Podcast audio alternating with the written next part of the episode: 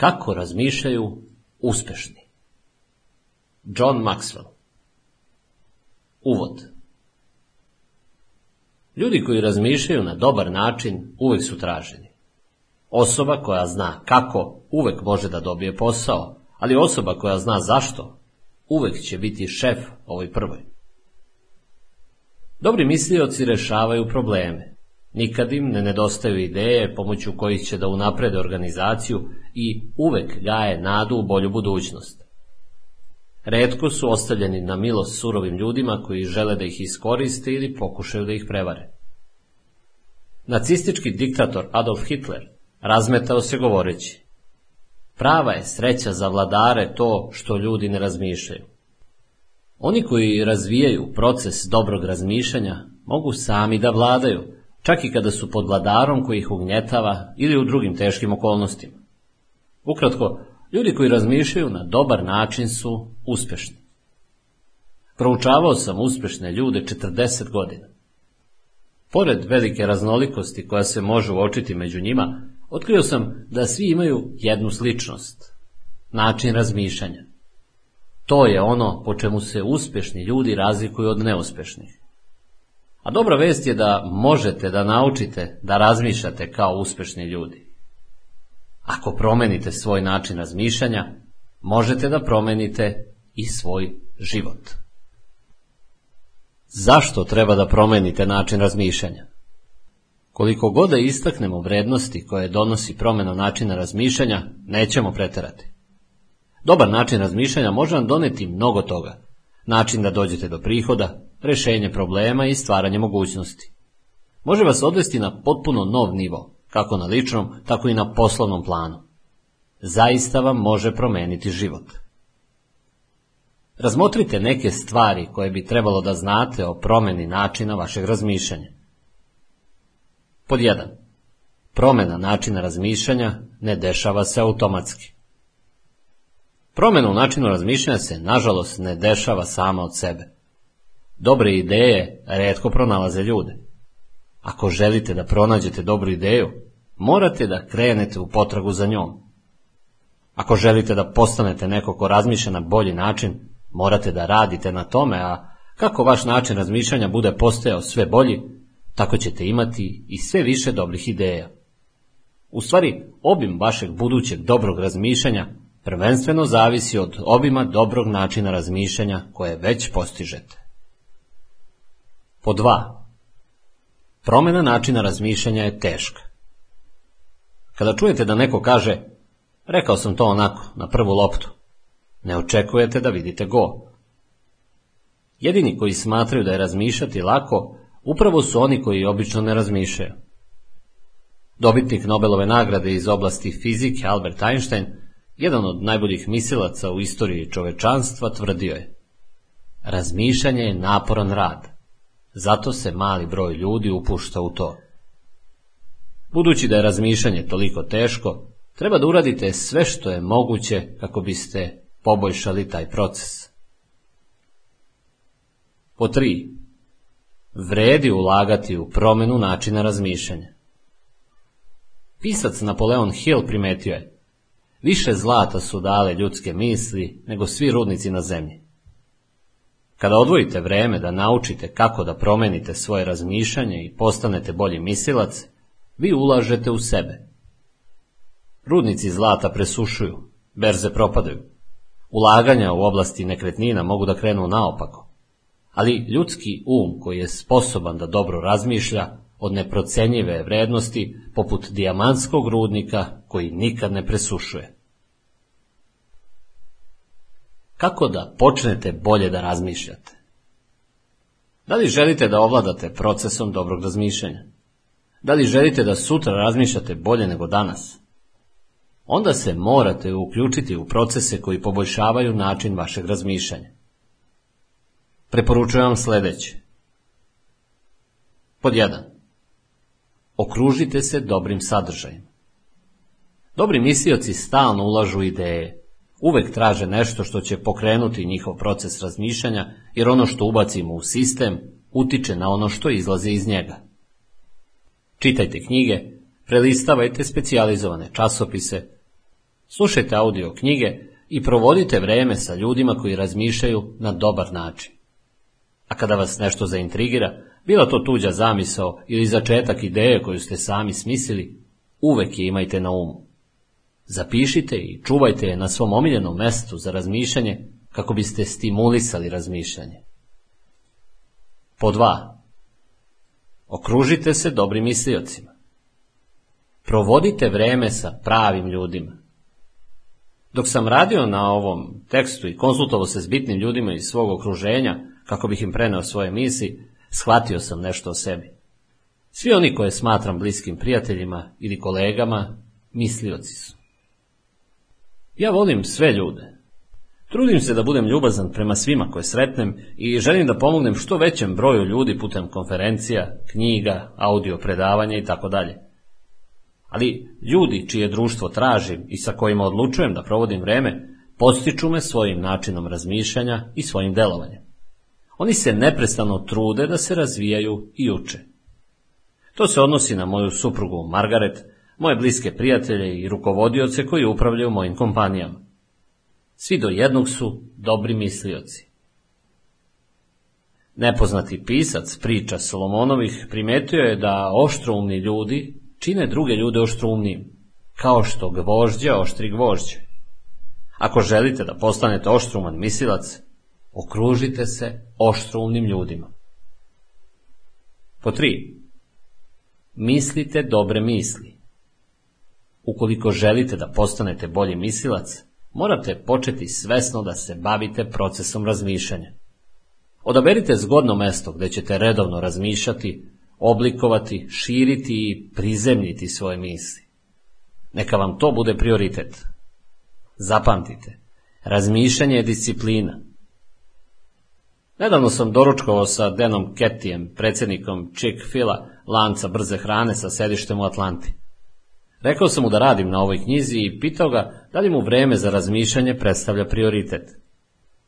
Ne samo da je potvrdio, već mi je govorio onome što on naziva planom razmišljanja.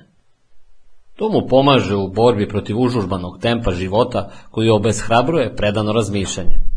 Kaže da izdvaja vreme isključivo za razmišljanje. Pola dana svake nedelje, jedan ceo dan svakog meseca i dva ili tri dana svake godine. Den objašnjava. Pošto je meni inače veoma lako odvući pažnju, to mi pomaže da ono što mi je važno zaista ostane važno. Možda ćete želeti da uradite nešto slično, a možete da razvijete i sobstveni plan ili metodu. Bez obzira na to šta ćete izabrati, idite na svoje mesto za razmišljanje, uzmite papir i olovku i obavezno zabeležite svoje ideje na papir. Pod četiri. Delujte u skladu sa svojim dobrim mislima. Ideje imaju kratak rok trajanja. Morate ih sprovesti u delo pre isteka roka. Letački as iz Prvog svetskog rata, Eddie Rickenbacker, sve je objasnio rekavši Mogu vam dati formulu od nekoliko reči za uspeh. Duboko promislite o nečemu, a potom to sprovedite u delo. Pod pet. Dozvolite svojim emocijama da stvore još jednu dobru misao. Kada započnete proces razmišljanja, ne možete se oslanjati na svoje osjećanja. U knjizi Put do uspeha napisao sam da ćete pre naterati sebe da nešto osjećate, nego što ćete osjetiti da nešto treba da uradite. Ako čekate da osjetite kako vam se nešto radi da biste to uradili, onda to verovatno nikada nećete ostvariti. Isto važi i za razmišljanje. Ne možete čekati da osjetite da vam se razmišlja kako biste se upustili u razmišljanje. Međutim, otkrio sam da jednom kada se uključite u proces dobrog razmišljanja, možete koristiti svoje emocije da pospešite proces i podstaknete mentalni polet. Pokušajte i sami. Nakon što prođete kroz proces disciplinovanog razmišljanja i doživite izvestan uspeh, dozvolite sebi da uživate u tom trenutku i prepustite se mentalnoj energiji tog uspeha. Ako ste slični meni, to će verovatno postaći dodatne misli i produktivne ideje. Pod šest. Ponavljajte proces.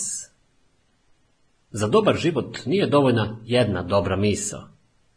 Ljudi koji imaju jednu dobru misao i pokušavaju da je koriste tokom cele karijere, često završe nesrećni ili siromašni. Oni su poput tvoraca jednog hita, pisaca samo jedne knjige, govornika sa jednom porukom ili pronalazača koji život provede boreći se da zaštiti ili promoviše svoju jedinu ideju. Uspeh ostvaruju oni koji imaju čitavu planinu zlata iz koje neprekino bade rudu, a ne oni koji pronađu jedan grumen zlata i pokušavaju da žive od njega 50 godina. Da biste postali onaj koji može da iskopa mnogo zlata, morate ponavljati proces dobrog razmišljanja. Smestite se na odgovarajuće mesto za razmišljanje.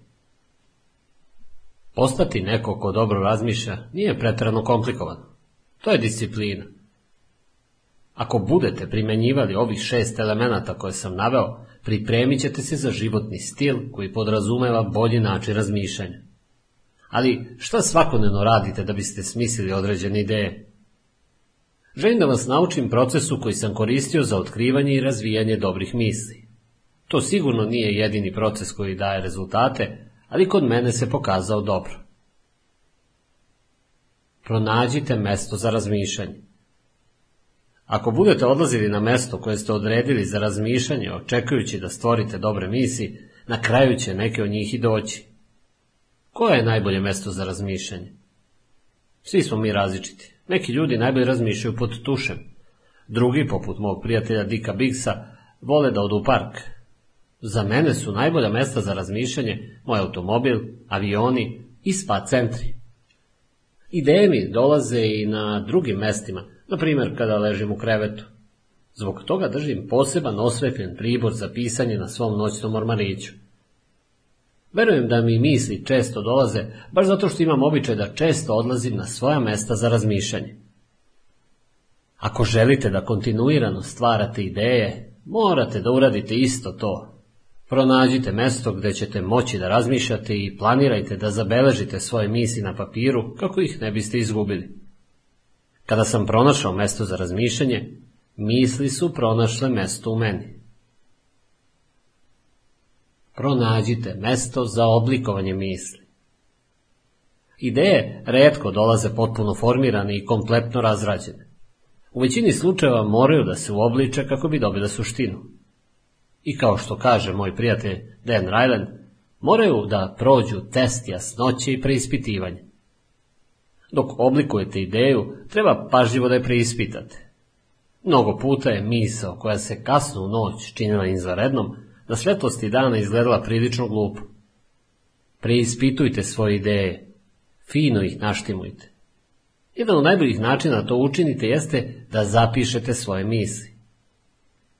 Profesor, rektor koleđa i američki senator S.I. Hayakawa napisao je Naučiti kako nešto da napišete znači naučiti da razmišljate.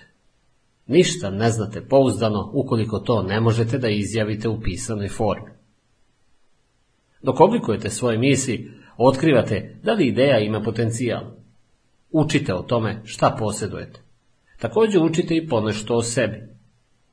Oblikovanje misli me uzbuđuje jer obuhvata humor, misli koje nisu delotvorne često pružaju komično olakšanje, poniznost, trenuci u kojima se povezujem sa Bogom ulivaju mi strahopoštovanje, uzbuđenje, volim da pustim ideju da se odigra u mom umu.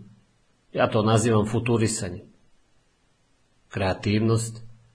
U ovim trenucima me stvarnost ne sputava. Ispunjenje. Bog me je stvorio za ovaj proces. On koristi moje najveće darove i pruža mi radost. Iskrenost. Dok se bavim preoblikovanjem ideje u svom umu, otkrivam svoje prave motive. Strast. Kada oblikujete misao, saznajete u šta verujete i šta je zaista važno. I promjena. Većina promjena koje sam sproveo u svom životu rezultat su temeljnog razmišljanja o nekoj temi. Svoje misli možete da oblikujete gotovo bilo gde. Samo pronađite mesto koje vam odgovara, negdje gdje ćete moći da zapisujete, da se usredsredite bez prekidanja i preispitujete svoje ideje. Pronađite mesto za širenje svojih misli. Ako vam dođu sjajne misli i uložite vreme u njihovo umno oblikovanje, nemojte da mislite da ste tu završili i da možete da prestanete. Ako to učinite, propustit ćete neke od najvrednijih aspekata procesa razmišljanja. Propustit ćete da uvedete druge ljude u proces i time proširite ideje do njihovog najvećeg potencijala. Moram priznati da sam ranije često i sam pravio ovu grešku. Hteo sam da zadržim ideje od početne misli do rešenja, a da ne podelim ni sa kim, pa čak i sa ljudima na koje bi ona najviše mogla da utiče. To sam radio kako na poslu, tako i kod kuće. Međutim, tokom godina sam naučio da sa timom možete da idete mnogo dalje nego što to možete samostalno. Pronašao sam neku vrstu formule koja vam može pomoći da raširite svoje misli. To bi bilo sledeće. Prava misao plus pravi ljudi u pravom okruženju i u pravo vreme iz pravog razloga daju pravi rezultat. Ovu kombinaciju je teško nadmašiti. Kao i svaki čovek, svaka misao ima potencijal da postane nešto veliko. Kad pronađete mesto na kome ćete moći da raširite svoje misli, našli ste taj potencijal. Pronađite mesto za prizemljenje svojih misli. Pisac Chudo Jackson dobro je primetio da je velikim idejama stajni trap potreban isto kao i krila. Svaka ideja koja ostaje samo ideja nema veliki uticaj. Prava snaga ideje ispoljava se kada ona pređe put od abstraktne zamisli do primene. Razmislite o Einsteinovoj teoriji relativnosti. Kada je 1905. i 1916. godine objavio svoje teorije, one su bile samo dubokoumne ideje. Njihova stvarna snaga ispoljila se razvojem nuklearnog reaktora 1942. godine i nuklearne bombe 1945. godine. Kada su naučnici razvili i primenili Einsteinove ideje, ceo svet se promenio. Isto tako, ako želite da vaše misli imaju uticaj, treba da ih podelite sa drugima kako bi se jednoga dana mogle sprovesti u delo. Dok planirate fazu primene procesa razmišljanja, prvo podelite svoje ideje sa samim sobom. Predstavljanje ideje samom sebi daće vam moralno pokrijeće. Ljudi će prihvatiti ideju tek nakon što prihvate vođu koji je saopštava. Pre nego što održim bilo koju lekciju, postavljam sebi tri pitanja. Da li verujem u to? Da li ja živim u skladu sa tim? Da li verujem da i drugi treba da žive u skladu sa tim? Ako ne mogu potvrdno da odgovorim na sva tri pitanja, nisam prizemljio ideju. Onda ih treba podeliti sa ključnim igračima. Budimo iskreni, nijedna ideja neće dobiti krila ako je ne prihvate uticajni ljudi. Uostalom, oni su ti koji prenose misli od ideje do njenog ostvarenja. Dalje, treba podeliti ideje sa onima na koje najviše utiču. Deljenje misli sa ljudima koji su na vodećim pozicijama u nekoj aktivnosti pružit će vam sjajan uvid. Oni najbliži promenama koje nastaju kao rezultat nove ideje mogu da vam daju uvid u stvarnost. To je važno jer ponekad čak i kada ste marljivo dovršili proces stvaranja misli, njenog oblikovanja i prenošenja na druge mislioce, na kraju ipak možete promašiti metu. Pronađite mesto za let svojih misli. Francuski filozof Henri Louis Bergson, koji je 1927. godine dobio Nobelovu nagradu za književnost, tvrdio je da bi trebalo razmišljati kao čovek od akcije, a delati kao čovek od misli. Čemu služi razmišljanje ako nema primene u stvarnom životu? Razmišljanje razdvojeno od delovanja ne može da bude produktivno. Učenje ovladavanja procesom dobrog razmišljanja vodi vas do produktivnog razmišljanja. Ako uspete da razvijete disciplinu dobrog razmišljanja i pretvorite je u doživotnu naviku, bit ćete uspešni i produktivni celog života. Kada stvorite, oblikujete, proširite i prizemljite svoje misli, njihov let može da bude zabavan i lak. Portret dobrog mislioca Često čujete nekoga kako kaže za svog kolegu ili prijatelja da ume da razmišlja ali ta fraza svima znači nešto drugo. Za neke je to pokazatelj visokog IQ-a, dok je za druge poznavanje mnogo sitnica iz oblasti opšte kulture ili sposobnost da se otkrije ubica u krimi romanu. Verujem da dobar način razmišljanja ne čini samo jedna stvar. Ono se sastoji od nekoliko specifičnih veština razmišljanja. Postati dobar mislila znači razvijati te veštine najbolje što možete. Nije važno da li ste rođeni bogati ili siromašni. Nije važno da li imate četiri razreda osnovne škole ili doktorat. Nije važno da li ste višestruki invalid ili ste zdravi kao dren. Bez obzira na sve okolnosti, možete naučiti da postanete dobar mislilac. Sve što vam treba jeste volja da se svakodnevno uključujete u proces razmišljanja. U svojoj knjizi Built to Last Successful Habits of Visionary Companies autori opisuju šta je to vizionarska kompanija koja predstavlja tipičan primjer vrhunskog američkog poslovanja. Evo kako oni opisuju te kompanije. Vizionarska kompanija je poput velikog umetničkog dela. Zamislite Michelangelove prizori iz postanja na tavanici Sikstinske kapele ili njegovu statu Davida. Pomislite na izuzetne i trajne romane kao što su Doživljaj Huckleberrya Fina ili Zločini kazna. Pomislite na Beethovenovu devetu simfoniju ili Šekspirovo Henrya V. Zamislite skladno projektovanu zgradu poput Remek Dela, čiji su autori Frank Lloyd Wright i Ludwig Miss van der Rohe. Ne možete izdvojiti samo jedan element zbog kojeg je delo u celini uspešno. Trajnu vrednost predstavlja celokupno delo. Svi njegovi elementi povezani u celinu radi stvaranja sveukupnog efekta. Slično je i sa dobrim načinom razmišljanja. Potrebni su vam svi misalni delići da biste postali osoba koja može da postigne velike stvari. Ti delići uključuju sledećih 11 veličina. 1. Sagledavanje mudrosti razmišljanja u širem kontekstu. 2. Oslobađanje potencijala usmerenog razmišljanja. 3. Otkrivanje radosti kreativnog razmišljanja. 4. Prepoznavanje značaja realističnog razmišljanja. 5. Oslobađanje snage strateškog razmišljanja. 6.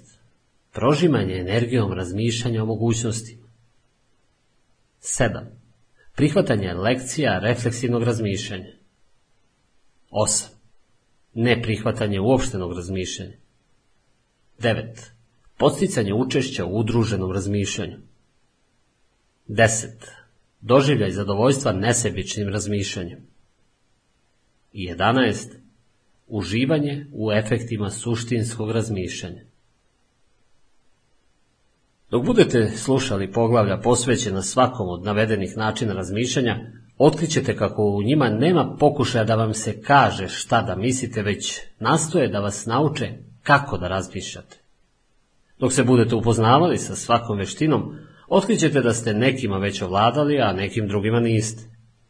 Naučite da razvijate svako od tih vrsta razmišljanja i razmišljat ćete na bolji način. Savladajte sve što možete, uključujući proces udruženog razmišljanja koji vam pomaže da nadogradite oblasti u kojima ste slabi i vaš život će se promeniti. 1. Negujte razmišljanje u širem kontekstu. Razmišljanje u širem kontekstu može koristiti svakome kojim god zanimanjem da se bavi. Kada neko poput Jacka Welcha kaže zaposlenom u kompaniji General Electric da je stalni odnos sa kupcem važniji od prodaje pojedinačnog proizvoda, on ga podsjeća na širu sliku. Kada je roditeljima dosta navikavanja dece na nošu, loših ocena ili sitnih saobraćajnih nezgoda i kada jedno drugo podsjećaju da je trenutna teška situacija samo privremena, tada je sagledavanje šire slike korisno za njih. Graditelj nekretnina, Donald Trump, duhovito je primetio. Kada već morate da razmišljate, zašto ne biste razmišljali u velikim razmerama? Razmišljanje u širem kontekstu unosi celovitost i zrelost u način mišljenja. Donosi perspektivu. To je kao da povećavate okvir slike dok proširujete ne samo ono što vidite, već i ono što ste u mogućnosti da uradite. Ako budete proveli neko vreme s ljudima koji razmišljaju u širem kontekstu, shvatit ćete da oni neprestano uče. Ljudi koji razmišljaju u širem kontekstu nikada se ne zadovoljavaju onim što već znaju. Stalno posećuju nova mesta, čitaju knjige, upoznaju nove ljude, uče nove veštine. Zahvaljujući tome često su u stanju da povežu ono što nije povezano. Doživotno uče. Da bih uspeo da održim stav učenika, svakoga jutra nekoliko trenutaka razmišljam koje će mi se prilike za učenje ukazati toga dana. Dok pregledam svoj kalendar i spisak obaveza, znajući sa kim ću se susresti, šta ću pročitati, kojim sastancima ću prisustovati, beležim gde je najveća mogućnost da nešto naučim. Tada se mentalno pripremim i pažljivo pronađem nešto što će me unaprediti u tim okolnostima. Ako želite i dalje da učite, hoću da vas postaknem da preispitate svoj dan i potražite prilike za učenje. Slušajte sa namerom. Odličan način da proširite svoje iskustvo jeste da slušate stručnjaka u oblasti za koju vi niste stručni. Ja tražim takve prilike. Jedne godine sam razgovarao sa oko 900 trenera iz skauta Senior Bowla na kojem futbaleri apsolventi igraju svoju posljednju utakmicu na koleđu. Imao sam priliku da, zajedno sa svojim zetom, večeram sa glavnim trenerima NFL-a.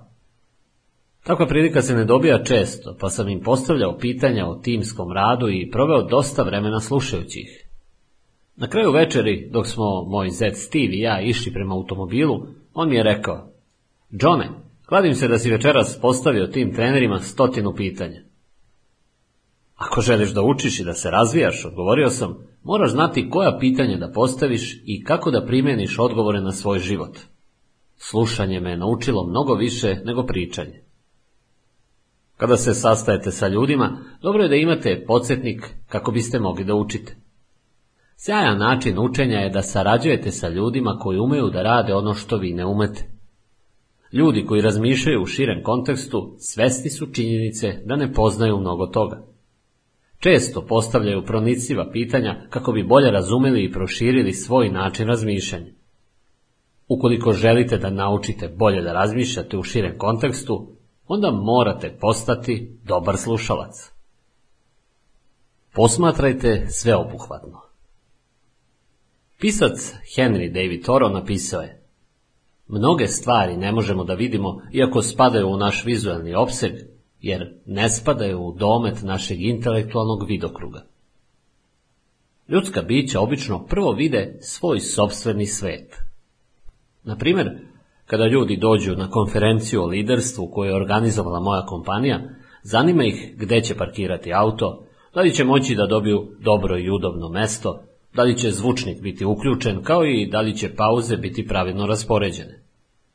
Kada dođem da održim govor na pomenutoj konferenciji, zanima me da li je osvetljenje dobro, da li ozvučenje efikasno funkcioniše, da je govornička bina dovoljno blizu ljudi i tako dalje. Ono što vi jeste, određuje ono što vidite i kako razmišljate. Ljudi koji razmišljaju u širem kontekstu shvataju da, osim njihovog sveta, postoji svet izvan njih, te se trude da izađu iz sobstvenog i vide svetove drugih ljudi njihovim očima. Teško je potpuno sagledati sliku dok ne izađete izvan njenih okvira. Da biste otkrili kako drugi vide, prvo morate saznati na koji način oni razmišljaju. To će vam sigurno biti lakše ako postanete dobar slušalac, prevaziđete lični plan i pokušate da posmatrate iz perspektive druge osobe. Živite punim plućima. Francuski esejista Michel Ekem de Montaigne napisao je Vrednost života se ne ogleda u broju dana, već u onome zašto smo ih iskoristili. Čovjek može da živi dugo, a istovremeno da živi vrlo malo. Istina je da svoj život možete provesti kako god želite, ali ga možete živeti samo jednom. Ako počnete da razmišljate u širem kontekstu, možete živeti celovito i veoma ispunjeno. Ljudi koji vide širu sliku proširuju svoje iskustvo jer proširuju svoj svet. Kao rezultat toga postižu više od uskogrudih ljudi. Isto tako, oni doživljavaju manje neželjenih iznenađenja jer imaju više izgleda da sagledaju mnoge komponente svake situacije, probleme, ljude, veze, vreme i vrednosti. Stoga su takvi ljudi obično tolerantniji prema drugima i njihovom načinu razmišljanja. Zašto treba prihvatiti mudrost razmišljanja u širem kontekstu? Vjerojatno intuitivno prepoznajete razmišljanje u širem kontekstu kao korisno. Malo ljudi želi da budu zatvorenog uma. Niko se ne odlučuje da bude takav. Za slučaj da ipak niste potpuno uvereni, razmotrite nekoliko određenih razloga da se potrudite da postanete neko ko razmišlja bolje u širem kontekstu. Prvi. Razmišljanje u širem kontekstu vam omogućava da budete lider. Ima mnogo ljudi koji razmišljaju u širem kontekstu, a nisu lideri. Međutim, pronaći ćete veoma malo lidera koji ne razmišljaju u širem kontekstu. Lideri moraju biti sposobni da učine mnogo toga važnog za svoje ljude. Da sagledaju viziju pre svojih ljudi. Oni također vide više od toga. Ovo im omogućava da procene situaciju uzimajući u obzir mnoge promenjive vrednosti. Lideri koji vide širu sliku prepoznaju mogućnosti kao i probleme u stvaranju temelja za izgradnju vizije. Kada to urade, lideri mogu predstave sliku cilja do kojeg žele da dovedu svoj tim, što uključuje potencijalne izazove ili prepreke. Cilj lidera ne treba da bude samo da se njihovi ljudi osjećaju dobro, već da im pomognu da budu dobro i ostvare san. Vizija, precizno prikazana, omogućit će liderima da pokažu kako se budućnost povezuje sa prošlošću da bi put imao više smisla. Kada lideri prepoznaju ovu potrebu za povezanošću i premoste, onda mogu da iskoriste pravi trenutak. Što se tiče liderstva, u kom trenutku će se pokrenuti, važno je isto kao i ono što radite. Kao što je Winston Churchill rekao, svakome u životu dođe jedan poseban trenutak, trenutak za koji se taj čovek rodio. Kada ga iskoristi, to postaje njegov najlepši čas. Bilo da gradite puteve, planirate putovanje ili napredujete u liderstvu, razmišljanje u širem kontekstu vam omogućava da uživate u većem uspehu. Ljudi koji neprestano sagledavaju celu sliku imaju najbolje šanse da uspeju u bilo kojem nastojanju. Drugi. Razmišljanje u širem kontekstu održava usredsređenost na cilj. Thomas Fuller, kapelan engleskog kralja Karla II. primetio je Onaj koji je svuda, zapravo je nigde. Da biste obavili neke stvari, morate biti fokusirani. Međutim, da biste postigli prave stvari, morate uzeti u obzir i širu sliku. Jedini način da se držite cilja jeste da dnevne aktivnosti postavite u kontekst šireg plana. Kao što Alvin Toffler kaže, morate razmišljati o velikim stvarima dok radite male stvari, kako bi se male stvari odvijale u pravom smeru. Treći. Razmišljanje u širem kontekstu vam omogućava da vidite ono što drugi vide. Jedna od najvažnijih veština koju možete da razvijete u međuljudskim odnosima jeste sposobnost da sagledate stvari sa tačke gledišta nekog drugog. To je ključno kada je u pitanju rad sa klijentima, udovoljavanje mušterijama, održavanje braka, vaspitavanje dece, pomaganje onima koji su imali manje sreće i tako dalje. Sve ljudske interakcije mogu se poboljšati zahvaljujući sposobnosti da se stavite na mesto druge osobe. Kako? Pogledajte dalje od sebe, sobstvenih interesa i sobstvenog sveta. Kada razmatrate problem iz svih mogućih uglova, proučavate ga u svetlu nečije prošlosti. Otkrivate interese i brige drugih i pokušate da ostavite po strani svoje planove. A onda, malo po malo, vidite ono što drugi vide. A to je moćna veština. Četvrti. Razmišljanje u širem kontekstu unapređuje timski rad. Ako učestvujete u bilo kojoj vrsti timskih aktivnosti, onda znate koliko je važno da članovi tima sagledaju čitavu sliku, a ne samo svoj deo. Kad god neko ne zna kako se njegov rad uklapa u posao članova tima, tada je ceo tim u nevolji. Što bolje članovi tima shvate širu sliku, veći je njihov potencijal da zajedno funkcionišu kao tim. Peti. Razmišljanje u širem kontekstu sprečava kolotečinu. Budimo realni. Neki aspekti svakodnevnog života su apsolutno neophodni, ali su potpuno nezanimljivi. Ljudi koji razmišljaju u širem kontekstu ne dozvoljavaju da ih svakodnevica samelje, jer ne gube iz vida sveobuhvatnu sliku. Znaju da je onaj ko zaboravi krajnji cilj, rob neposrednog cilja. Šesti. Razmišljanje u širem kontekstu vam pomaže da mapirate neistražene teritorije. Da li ste ikada čuli izreku pre nego što skočiš, ne viči hop. Nesumnjivo je izmislio neko kome nije išlo sagledavanje šire slike. Svet su izgradili ljudi koji su vikali hop u sebi mnogo pre drugih. Jedini način da se u nečemu postane pionir ili da se osvoji neistražena teritorija jeste da gledamo dalje od svoga nosa i vidimo širu sliku. Kako steći mudrost razmišljanja u širem kontekstu? Ako želite da iskoristite nove mogućnosti i otvorite nove horizonte, onda svojim sposobnostima morate dodati razmišljanje u širem kontekstu. Da biste postali dobar misilac koji će moći bolje da sagleda širu sliku, imajte na umu sledeće predloge. Pod 1. Ne težite sigurnosti. Ljudi koji razmišljaju u širem kontekstu nemaju problem sa višeznačnošću. Ne pokušavaju svako opažanje ili podatak da smeste u fioke u napred za to određene. Razmišljaju sveobuhvatno i mogu da žongliraju mnogim na izgled kontradiktornim mislima. Ako želite da negujete sposobnost razmišljanja u širem kontekstu, morate se navići da prihvatate složene i raznolike ideje i bavite se njima. Pod 2. Učite iz svakog iskustva. Ljudi koji razmišljaju u širem kontekstu proširuju vidike trudeći se da nešto nauče iz svakog iskustva. Ne spavaju na lovorikama, već uče iz svojih uspeha. Što je još važnije, uče na svojim greškama.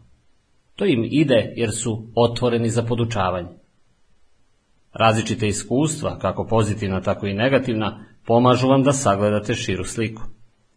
Što je veća raznolikost iskustava i uspeha, to ćete imati više potencijala za učenje. Ako želite da razmišljate u širem kontekstu, izađite i isprobajte što više toga.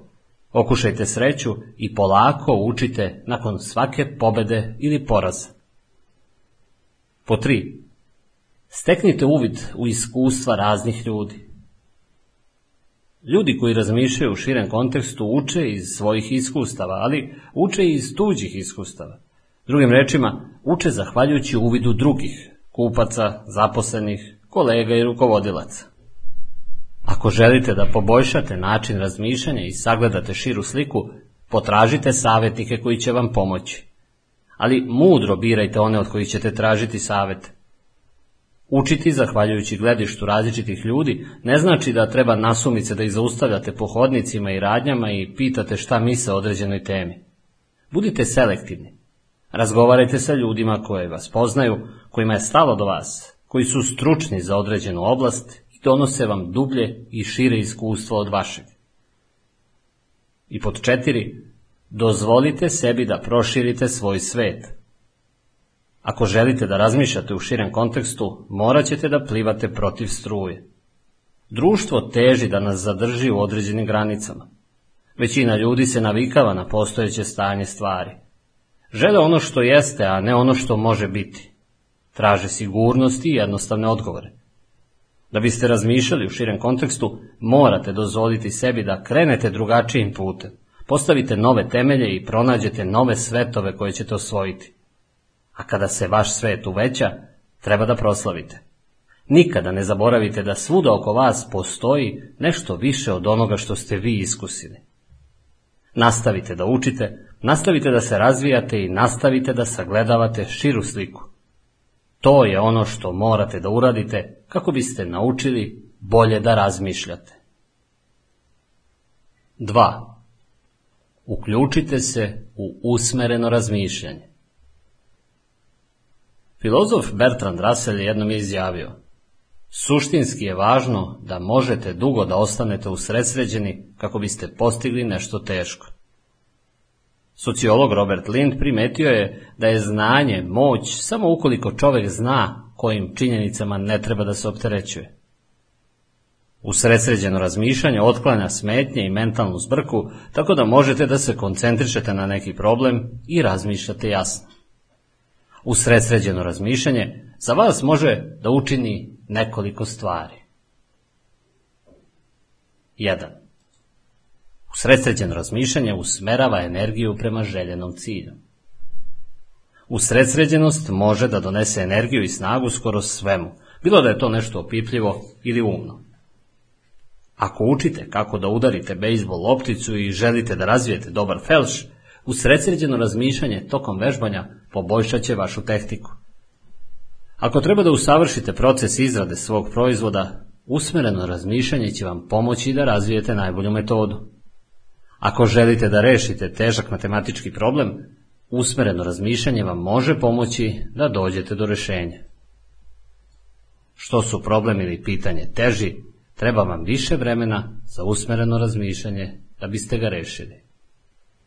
2. Usmereno razmišljanje ostavlja vreme za razvijanje ideja. Volim da otkrivam i razvijam ideje. Često okupljam svoj kreativni tim radi mozganja i kreativnog razmišljanja.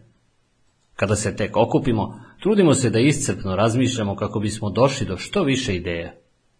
Potencijalni napredak često je rezultat razmene mnogo dobrih ideja. Ipak, da biste ideje podigli na sledeći nivo, morate preći sa iscrpnog načina razmišljanja na selektivni.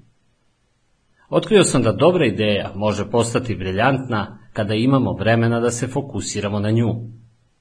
Tačno je da je preduga usredsređenost na jednu ideju može biti veoma frustrirajuća.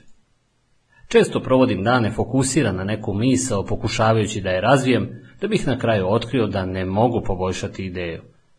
Ali ponekad se moja upornost u usmerenom razmišljanju isplati. To me čini veoma srećnim. A kada je usmereno razmišljanje u najvećem zamahu, ne razvija se samo ideja, razvijam se i ja. 3. Usmereno razmišljanje daje jasnoću cilju. Golf smatram jednim od svojih omiljenih hobija. To je čudesno podsticajna igra. Sviđa mi se jer su ciljevi tako jasni. Profesor William Mobley sa Univerziteta u Južnoj Karolini iznao je sledeće zapažanje o golfu. Kada je golf u pitanju, jedna od najvažnijih stvari je postojanje jasnih ciljeva. Vidite loptice na postolju i znate koji je prosečan profesionalni rezultat. To nije previše lako, ali nije ni nedostižno. Znate svoj prosečan rezultat, a postoje i takmičarski ciljevi. Takmičenje protiv prosečnog profesionalnog rezultata, kako svog, tako i protiv prosečnih profesionalnih rezultata drugih. Ovi ciljevi su nešto čemu ćete stremiti. U radu, kao i u golfu, ciljevi motivišu.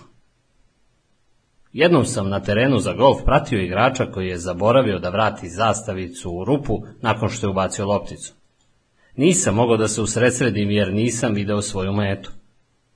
Moja usmerenost se ubrzo pretvorila u frustraciju i lošu igru.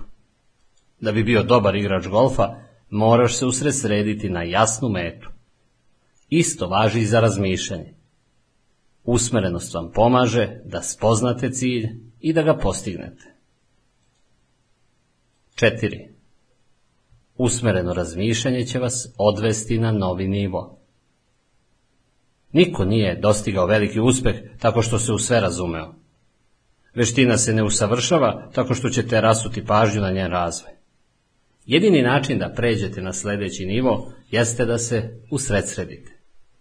Bez obzira na to da li vam je cilj da usavršite tehniku igranja, popravite svoj poslovni plan, poboljšate saldo, pomognete razvoj svojih podređenih ili rešite lične probleme, morate se usredsrediti. Pisac Harry Overstreet primetio je, nezreo um skače s jedne stvari na drugu.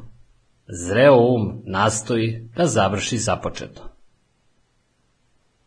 Na što bi trebalo da usmerite razmišljanje?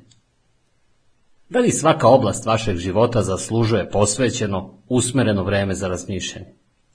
Naravno, to je odgovor ne. Bolje je da u svom usmerenom razmišljanju budete selektivni nego iscrpni. Za mene to znači da treba posvetiti vreme dubokoumnom razmišljanju u četiri oblasti. Rukovođenje, kreativnost, komunikacija i svesno širenje mreže poznanstava. Vaši izbori će se verovatno razlikovati od mojih. Evo nekoliko predloga koji će vam pomoći da ih načinite. Odredite prioritete. Pod 1. Uzmite u obzir svoje prioritete, lične, svoje porodice i svog tima. Pisac, konsultant i nagrađivani mislilac Edward de Bono rekao je Zaključak je mesto na kome ste se umorili od razmišljanja. Nažalost, mnogi odrede svoje prioritete tek kada im ponestane snage. To sigurno ne želite da uradite, niti želite da vam drugi određuju plan rada. Postoji mnogo načina za određivanje prioriteta.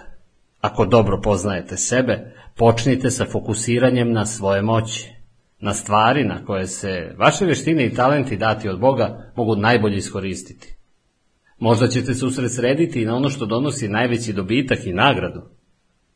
Radite ono u čemu najviše uživate i što najbolje radite. Mogli biste da primjenite pravilo 80-20. Posvetite 80% svog truda za prvih 20% najvažnijih aktivnosti. Drugi način je da se usredsredite na izuzetne mogućnosti koje obećavaju ogroman dobitak. Sve se svodi na ovo. Posvetite pažnju oblastima koje mogu da urode plodom. Otkrite svoje talente. Nisu svi ljudi svesni svojih veština, darovitosti i talenata, niti dobro upravljaju njima. Takvi pomalo liče na lik Charlija Browna iz stripa. Dan nakon strikeouta na bejsbol utakmici rekao je, pih, nikad neću biti igrač u velikoj ligi. Jednostavno nemam ono što je potrebno. Cijelog života sam sanjao da igram u velikim ligama, ali nikada mi neće uspeti. Na tomu Lucy odgovara. Charlie Browne, razmišljaš previše unapred. Ono što treba da uradiš jeste da sebi postaviš neposrednije ciljeve. Na trenutak Charlie Brown ugleda tračak nade. Neposredni ciljevi odvrati. Da, odgovara Lucy. Počni od sledeće utakmice. Kada budeš izašao da baciš loptu, vidi da li možeš da stigneš do polja bacača, da ne padneš. Upoznao sam mnoge ljude koji su odrasli u domaćinstvu sa puno lusi. Dobili su malo ohrabrenja ili odobravanja, a kao rezultat toga kao da su izgubili pravac. Ako potičete iz takvog okruženja, morate raditi veoma naporno kako biste shvatili zašta ste talentovani.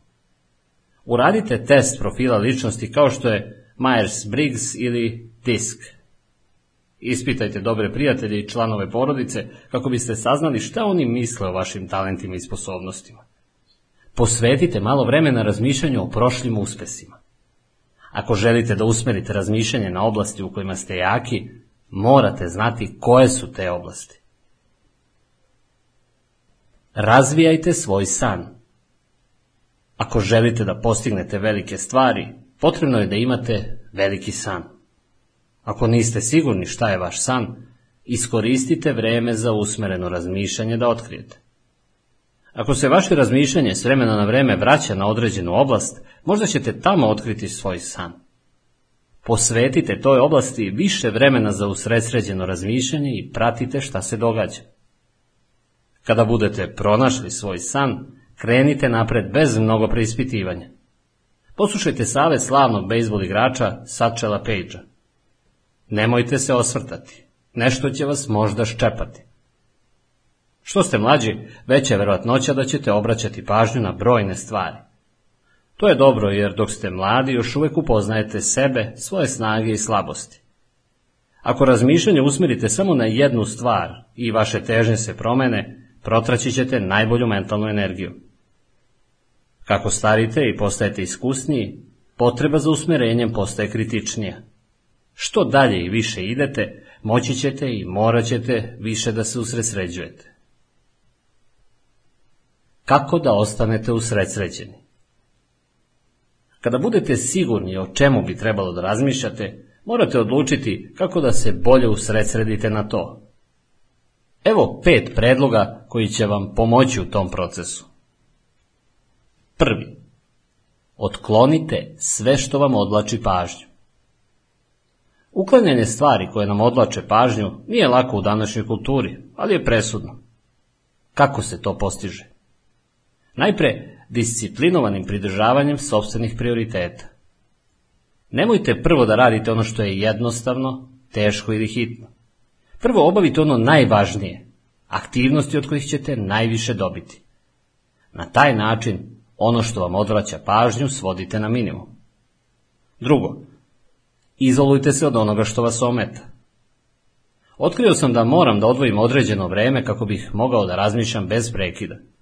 Savladao sam veštinu kako da postanem nedostupan kada je potrebno. Tada odlazim na svoje mesto za razmišljanje da bih mogao da radim bez prekida. Međutim, zbog odgovornosti koju imam kao osnivač tri kompanije, uvek sam svestan napetosti koja vlada između moje potrebe da ostanem dostupan drugima kao rukovodilac i potrebe da se povučem dalje od njih kako bih razmišljao. Najbolji način da se reši napetost jeste razumevanje vrednosti obe aktivnosti. Lagano hodanje kroz mnoštvo ljudi omogućava mi da se povežem sa ljudima i saznam njihove potrebe. Povlačenje iz gužve mi omogućava da razmišljam na koji način mogu da dam svoj doprinos. Moj savjet vam je da vrednujete obe aktivnosti i obema posvetite pažnju. Ako ste prirodno povučeni, potrudite se da češće izlazite među ljude. Ako ste uvek u pokretu i redko se povlačite kako biste razmišljali, Povremeno se sklonite da biste oslobodili potencijal usmerenog razmišljanja. I gde god da se nalazite, budite zaista tamo. Drugi. Odvojite vreme za usmereno razmišljanje. Kada budete pronašli mesto za razmišljanje, bit će vam potrebno vreme za razmišljanje. Zbog brzog tempa života u našoj kulturi, ljudi se trude da obavljaju nekoliko poslova istovremeno ali to nije uvek pametno. Prebacivanje sa zadatka na zadatak može da vas košta i do 40% efikasnosti. Kada pokušavate istovremeno da obavite mnoge stvari, učinit ćete više ako usredsređeno obavljate jedan po jedan zadatak, a ne ako svaki čas prelazite s jednog zadatka na drugi. Ovo je zaključak jednog istraživanja na tu temu. Pre mnogo godina sam shvatio da je za mene najbolje vreme za razmišljanje jutro. Kad god je moguće, jutro odvojim za razmišljanje i pisanje. Jedan od načina da odvojite vreme za usmereno razmišljanje jeste da nametnete sebi pravilo koje je sprovela jedna kompanija. Ne dozvolite sebi da proveravate elektronsku poštu pre 10 sati ujutru. Umesto toga usmerite svoju energiju na ono što vam predstavlja prioritet broj 1. Odložite do danjeg sve ono što na neproduktivan način troši vaše vreme, tako da možete odvojiti vreme za razmišljanje. Treći. Budite stalno okruženi onim što vam je važno. Ralph Waldo Emerson, veliki transcendentalni mislilac, verovao je. Koncentracija je tajna snage u politici, ratu, trgovini, ukratko u upravljanju svim ljudskim poslovima. Da bih se lakše koncentrisao na ono što je važno, trudim se da stalno budem okružen time. Jedan od načina je da zamolim svoju pomoćnicu Lindu Eggers da me neprekidno podsjeća na to, da mi postavlja pitanja i daje dodatne informacije u vezi s tim. Takođe, držim dokument ili stranicu na svome stolu dok radim, tako da mogu da ih vidim svakoga dana. Ta strategija mi je 30 godina uspešno pomagala da stimulišem i izoštrim ideje. Ako to nikada do sada niste radili, preporučavam da probate. Reći ću vam više o tome u odeljku o refleksivnom razmišljanju. Četvrti. Postavite ciljeve. Verujem da su ciljevi važni. Um se neće usredsrediti sve dok nema jasne ciljeve. Svrha ciljeva je da usmere vašu pažnju i daju vam pravac, a ne da odrede krajnje odredište. Dok razmišljate o svojim ciljevima, imajte na umu da bi oni trebalo da budu dovoljno jasni da održite fokus, dovoljno blizu da ih možete postići, dovoljno korisni da mogu da promene život. Te smernice će vas pokrenuti i obavezno zapišite svoje ciljeve. Ako nisu zapisani, mogu gotovo da vam garantujem da nisu dovoljno izbrušeni. A ako zaista želite da se uverite da su izbrušeni, prihvatite savet američkog pozorišnog pisca Davida Belaska koji kaže Ako ne možete da zapišete svoju ideju na poleđini moje vizit karte, nemate jasnu ideju. Čak i ako se osvrnete na prošle godine i mislite da su vam ciljevi bili premali, oni su poslužili svojoj svrsi ukoliko su vam pokazali pravac. Peti. Preispitajte svoj napredak. S vremena na vreme dobro se zagledajte u sebe kako biste vidjeli da li zaista napredujete. To je najtačniji način da procenite da li najbolje koristite usmereno razmišljanje. Zapitajte se, dobijam li nešto zauzvrat za vreme uloženo u sredsređeno razmišljanje? Da li me ono što radim približava mojim ciljevima? Da li sam krenuo u pravcu koji mi pomaže da ispunim svoje obaveze, održavam svoje prioritete i ostvarim svoje snove? Čega se odričete kako biste napredovali? Niko nije stigao na vrh, a da se razumeo u sve i svašta. Otac mi je govorio, pronađi jednu stvar koju radiš dobro i radi samo to. Otkrio sam da sam morao da se odreknem mnogih stvari kako bih nekoliko drugih dobro obavljao. Dok sam radio na ovom poglavlju, neko vreme sam razmišljao o stvarima koji sam se odrekao. Evo glavnih. Ne mogu upoznati svakoga. Volim ljude i društvena sam osoba. Stavite me u sobu punu ljudi i ja ću se napuniti energijom. Protiv volje ograničavam vreme koje provodim sa mnogo ljudi. Uradio sam nekoliko stvari kako bih to nadoknadio. Prvo, izabrao sam snažan unutrašnji krug ljudi. Oni ne samo da pruže ogromnu profesionalnu pomoć, već čine moje životno putovanje mnogo prijatnijim. Drugo, zamolio sam određene prijatelje da me informišu o tome šta se dešava u životima drugih prijatelja. To obično radim dok putujem i ne mogu da odvojim vreme koje će mi zatrebati za usredsređeno razmišljanje. Ne mogu da uradim sve. U životu svakog čoveka postoji samo nekoliko izuzetnih prilika. Zato težim da budem izvrstan u malom broju stvari, a ne da budem dobar u mnogim stvarima. To ima svoju cenu. Zbog obima posla moram da se odreknem i ponečeg što bih voleo da radim. Na primjer, svake nedelje predajem drugima projekte za koje smatram da bi bilo zabavno da ih sam uradim. Na one kojima predajem projekat primenjujem princip 10, 80, 10. Pomažem u prvih 10% tako što im dajem viziju, postavljam parametre, obezbeđujem resursi i ohrabrujem ih. Kada odrade središnjih 80%, ako mogu ponovo im se pridružim i pomognem im da urade ono što je ostalo do kraja puta. Ja to zovem stavljanjem trešnje na tort. Ne mogu svuda da idem. Svaki govornik na konferenciji i pisac mora mnogo da putuje. Pre nego što sam počeo često da držim govore, činilo mi se da je takav život glamorozan, ali nakon što sam prešao nekoliko miliona kilometara, znam kakav danak se plaća za takav život. Ironija je što i dalje volim da putujem radi uživanja sa svojom suprugom Margaret. To je jedna od naših velikih radosti. Ona i ja bismo mogli da iskoristimo deset odmora godišnje i da uživamo u svakom od njih. Ali ne možemo to da uradimo zato što ja mnogo vremena posvećujem svom pozivu. Pomažem ljudima da se razvijaju kao ličnosti i kao lideri. Ne mogu biti svestran. Usredsređenost me takođe sprečava da budem svestran. Kažem ljudima, ne moram da znam 99% svega onoga što se događa. Pokušavam da se usredsredim na jedan procenat od kojeg zauzvrat najviše dobijam. A što se tiče preostalih 99%, Margaret me obaveštava o svemu što treba da znam. To je jedan od načina na koji postižem balans u životu. Spremnost da se odreknete nekih stvari koje volite kako biste se usredsredili na ono što ima najveći uticaj nije lako naučiti. Ali što ranije prihvatite tu lekciju, to ćete pre moći da se posvetite izvrsnosti u onome što je najvažnije. 3. Koristite kreativno razmišljanje. Kreativnost zlata vredi, bez obzira na to čime se bavite. Annette Moser Wellman, autorka knjige The Five Faces of Genius, tvrdi Najvredniji resurs koji unosite u svoj posao i u svoju firmu jeste vaša kreativnost. Važnije od onoga šta ste uradili, od uloge koju igrate, od vašeg zvanja, od vašeg rezultata. Vaše ideje su ono što je zaista bitno. Iako je veoma važno razmišljati kreativno, izgleda da veoma mali broj ljudi posjeduje tu veštinu u izobilju. Ukoliko niste kreativni onoliko koliko biste želeli, ono što možete uraditi jeste da promenite način razmišljanja.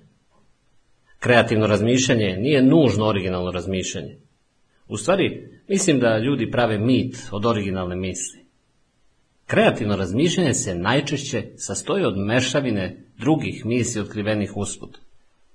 Čak su i veliki umetnici, koje smatramo veoma originalnim, učili od svojih majstora, oblikovali svoj rad na osnovu radova drugih i sakupili mnoštvo ideja i stilova da bi stvorili svoje sobstveno delo.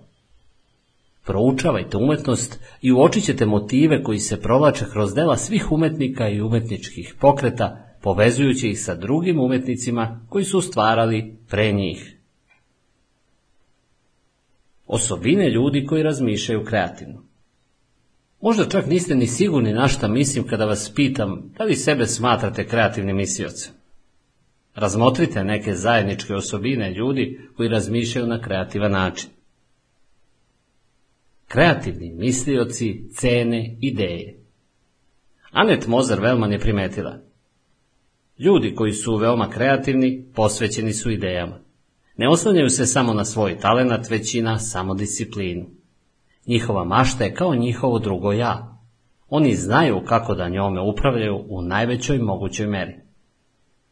Kreativnost se svodi na posjedovanje ideja, mnogo njih. Ideje ćete imati samo ukoliko umete da ih vrednujete. Kreativni mislioci istražuju različite mogućnosti. Još nisam upoznao kreativnog mislioca koji ne voli mogućnosti izbora. Istraživanje mnoštva mogućnosti pomaže u posticanju mašte, a mašta je ključna za kreativnost. Kao što je Albert Einstein rekao, mašta je važnija od znanja. Ljudi koji me dobro poznaju reći će vam da veoma ceni mogućnosti izbora. Zašto? Zato što nam pruža ključ za pronalaženje najboljeg odgovora, ali ne samo jedinog odgovora. Dobri misioci pronalaze najbolje odgovore. Oni stvaraju rezervne planove koji im pružaju alternative. Uživaju u slobodi koju drugi nemaju. Oni će uticati i voditi druge. Kreativni mislioci prihvataju višeznačnost. Pisac H.L. Mencken rekao je Dosadan je čovek koji je uvek u pravu, a siguran čovek je onaj koji je stalno dosadan. Kreativni ljudi ne osjećaju potrebu da potisnu neodređenost. Oni uočavaju sve vrste nedoslednosti i praznina u životu i često uživaju u istraživanju tih praznina ili u korišćenju mašte da ih ispune. Kreativni mislioci veličaju nekonvencionalnost. Kreativnost po svojoj prirodi često istražuje izvan utavane staze i suprostavlja se uobičajeno. Diplomata i dugogodišnji rektor univerziteta Yale, Kingman Brewster, rekao je Postoji povezanost između kreativnog i osobenjaka. Znači, moramo rado trpeti osobenjake. Da biste postakli kreativnost u sebi ili drugima, morate biti spremni da istrpite malo neobičnosti.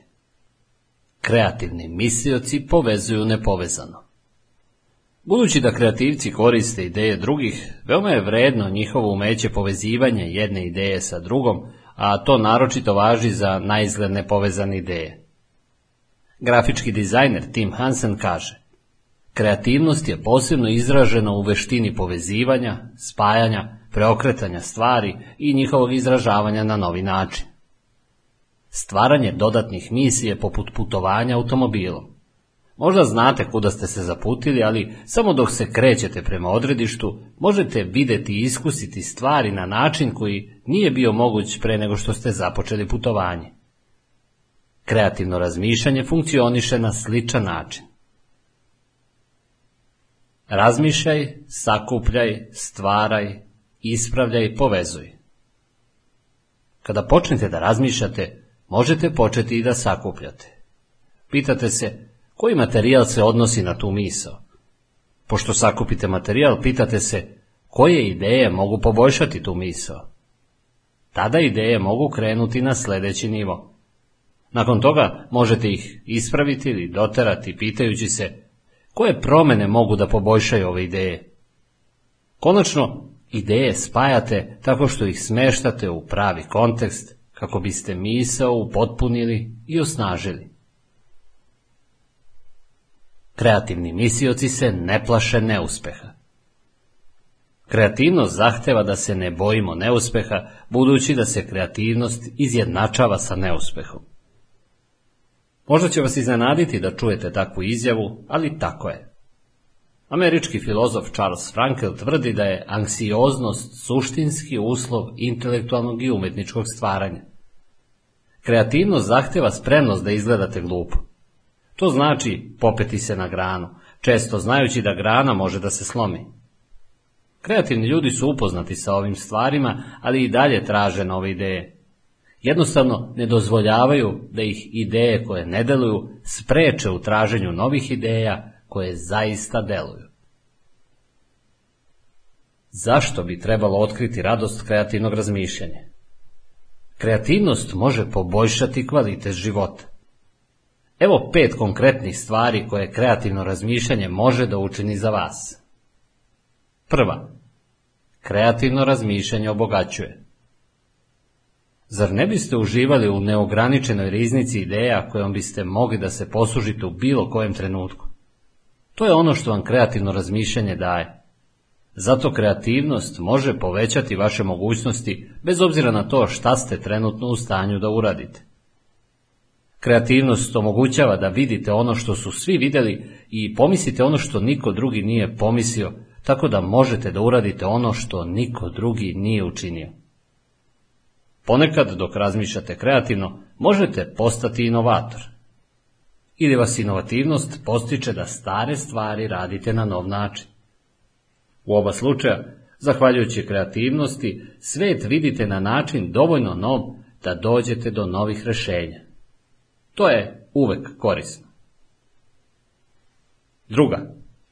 Kreativno razmišljanje spaja. Tokom godina sam otkrio da je kreativno razmišljanje težak rad, ali kreativno razmišljanje spaja kratko vreme sa usredsređenošću. Kreativno razmišljanje je možda više od bilo koje druge vrste razmišljanja samo sebi podsticaj i povećava kreativnost onoga ko razmišlja. Pesnikinja Maja Anđelovu primetila je. Ne možete istrošiti kreativnost. Što je više koristite, više ćete imati. Kreativnost se, nažalost, prečesto prigušuje umjesto da se neguje. Treba stvoriti klimu u kojoj se postiču novi načini razmišljanja, opažanja i preispitivanja.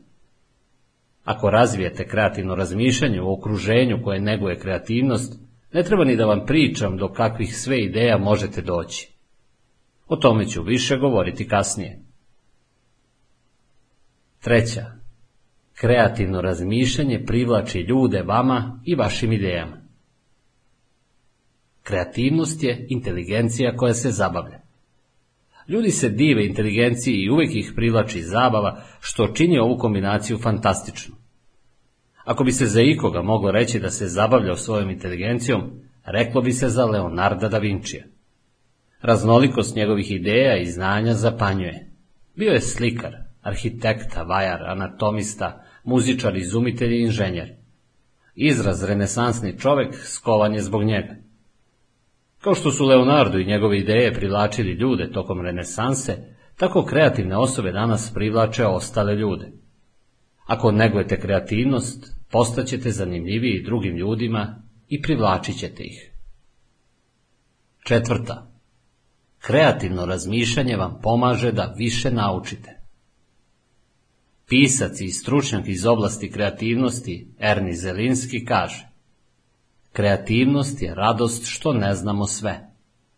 Radost što ne znamo sve upućuje nas pozivu da redko, ako ikada imamo sve odgovore, ali uvijek imamo mogućnost da pronađemo više rešenja za bilo koji problem. Biti kreativan znači biti u stanju da vidiš ili zamisliš velike mogućnosti u vezi sa životnim problemima. Kreativnost je mogućnost izbora. Izgleda da je previše očigledno reći, ali ako ste stalno u aktivnoj potrazi za novim idejama, vi ćete učiti kroz taj proces. Kreativnost podrazumeva otvoreno za učenje. Također podrazumeva sagledavanje više rešenja nego što ima problema. I što je veći broj misli, veća je i šansa da naučite nešto novo. Peta. Kreativno razmišljanje se suprostavlja statusu quo. Ako želite da poboljšate svoj svet ili samo sobstvenu situaciju, kreativnost vam u tome može pomoći. Status quo i kreativnost su nespojivi. Kreativnost i inovativnost uvek idu ruku pod ruku. Kako otkriti radost kreativnog razmišljanja? Možda ćete posle svega reći, u redu, uveren sam da je kreativno razmišljanje važno, ali kako da pronađem kreativnost u sebi? Kako da otkrijem radosti kreativnih misli? Nabrojat ću pet načina da to ostvarite. Prvi način. Uklonite ono što ubija kreativnost. Profesor ekonomije i pisac humorista Steven Leacock rekao je Lično, pre bih napisao Alisu u zemlji čuda nego celu britansku enciklopediju. Više je cenio toplinu kreativnosti nego hladne činjenice. Ako i vi imate ovako mišljenje, onda bi trebalo da otklonite stavove koji obezvređuju kreativno razmišljanje. Poslušajte sljedeće fraze. Gotovo je zagarantovano da će uništiti kreativno razmišljanje svaki put kada ih čujete ili pomislite. Ja nisam kreativan. Pridržavajte se pravila. Ne postavljajte pitanja. Nemojte se razlikovati. Ne izlazite van utvrđenih granica.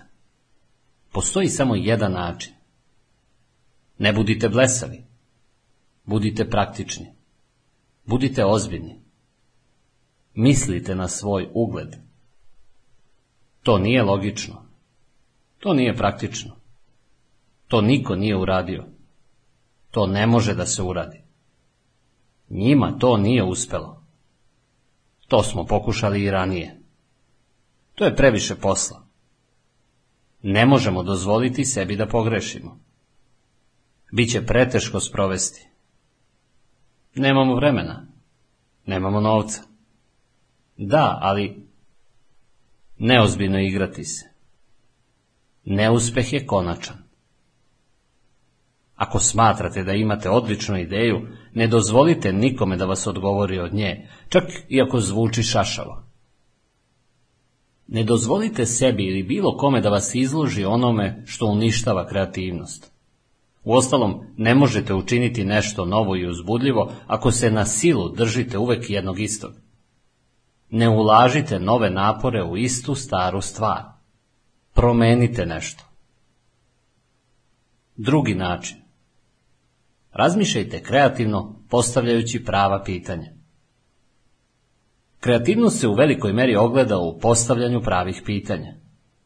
Trener iz oblasti upravljanja, Sir Anthony J. rekao je Um koji nije kreativan može da uoči pogrešne odgovore, ali potreban je kreativan um da bi se uočila pogrešna pitanja. Pogrešna pitanja gase proces stvaralačkog razmišljanja. Usmeravaju mislioce na isti stari put ili čak navedu na zaključak da razmišljanje uopšte nije neophodno. Da biste podstakli kreativno razmišljanje, postavite sebi pitanja kao što su.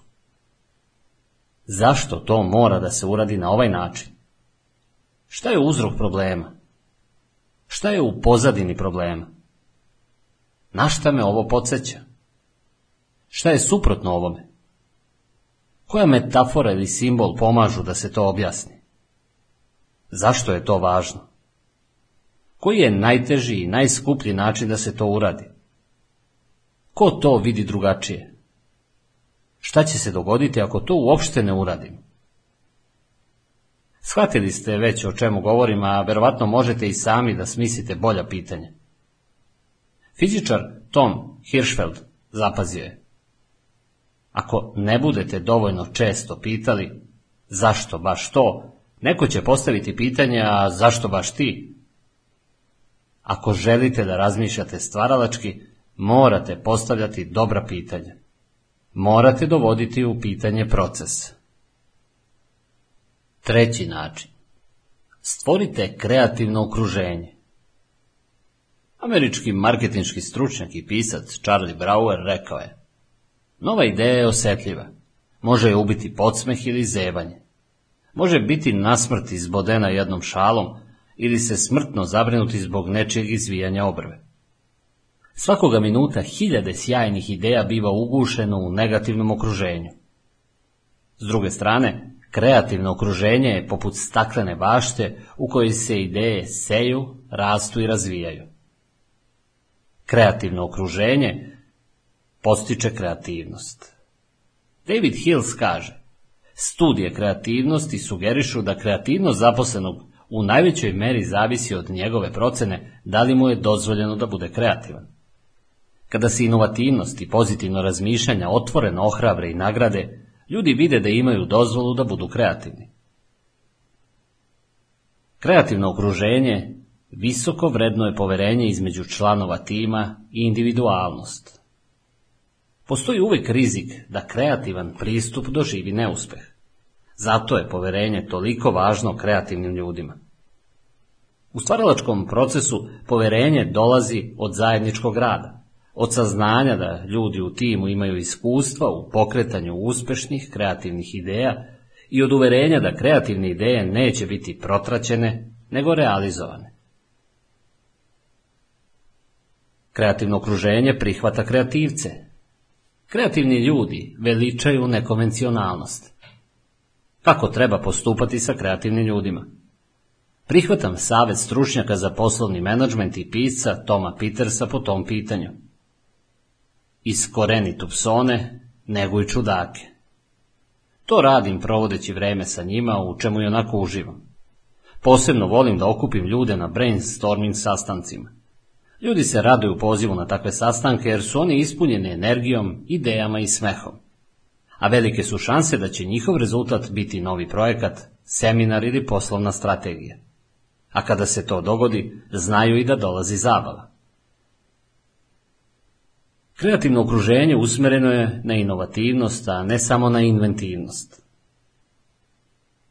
Sam Weston, tvorac popularne akcione figurice G.I. Joe, rekao je Zaista revolucionarne ideje su redke, ali vam tako i ne treba da biste od kreativnosti napravili karijeru.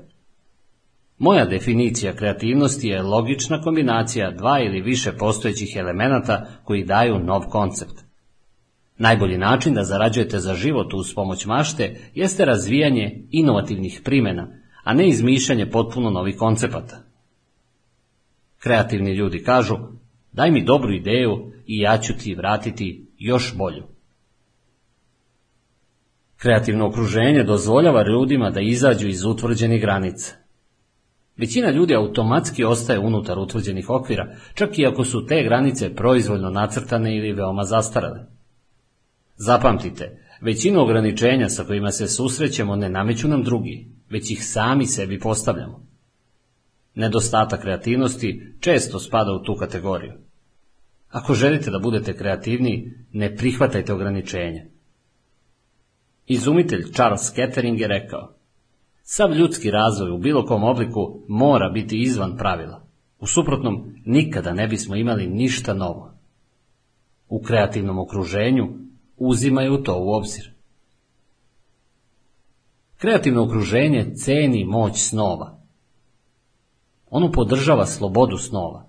Takvo okruženje postiče vas da uzmete prazan list papira i odgovorite na pitanje Kada bismo mogli da nacrtamo ono što želimo da postignemo, kako bi to izgledalo? Kreativno okruženje omogućilo Martinu Lutheru Kingu mlađem da sa strašću govori i poruči milionima ja imam san, a ne ja imam cilj. Ciljevi možda daju usmerenja, ali snovi daju moć. Snovi proširuju svet.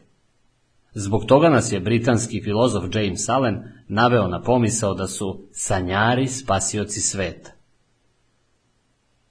Što više otvorite svoje okruženje prema kreativnosti, to ono ima više potencijala da postane kreativno. Četvrti način. Provodite vreme sa drugim kreativnim ljudima. Šta ako radite u okruženju neprijateljski nastrojenom prema kreativnosti, a vi imate malo mogućnosti da ga promenite? Jedna od mogućnosti je da promenite posao. Ali šta ako želite tu da radite uprkos netrpeljivom okruženju? Najbolja opcija je da pronađete način da provodite vreme sa drugim kreativnim ljudima. Kreativnost je prelazna. Da li ste ikada primetili šta se dešava tokom dobrog brainstorming sastanka? Jedna osoba izlaže ideju, druga je koristi kao odskočnu dasku da otkrije drugu ideju. Neko treći je vodi u drugom, još boljem pravcu. Tada je neko zgrabi i podigne na potpuno nov nivo. Uzajamno delovanje ideja može biti prilično uzbudljivo. Okružen sam snažnom grupom kreativnih pojedinaca. Nastojim da redovno provodim vreme sa njima. Kada odlazim od njih, uvek sam pun energije, pun ideja i drugačije gledam na stvari. Oni su mi zaista neophodni. Činjenica je da počinjete da razmišljate kao ljudi sa kojima provodite dosta vremena. Postaćete kreativniji ukoliko budete više vremena provodili sa kreativnim ljudima, baveći se kreativnim aktivnostima. I peti način, razmišljajte na nekonvencionalan način. Glumica Catherine Hepburn je opazila. Ako se pridržavate svih pravila, propustit ćete svu zabavu. Iako ne mislim da treba kršiti sva pravila, mnoga postoje kako bi nas zaštitila, smatram da je nerazumno dozvoliti da nas sputavaju ograničenja koje smo sami sebi nametnuli. Ljudi koji razmišljaju na kreativan način znaju da se moraju u više navrata izvući iz okvira sobstvenih životnih okolnosti i ličnih ograničenja kako bi doživjeli kreativni naboj. Najefikasniji način da počnete da razmišljate maštovito koristeći nove ideje umjesto tradicionalnih i očekivanih jeste da se izložite novim okolnostima. Jedan od načina to postignete je putovanje na nova mesta.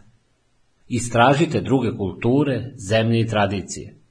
Otkrite kako ljudi potpuno drugačiji od vas žive i razmišljaju.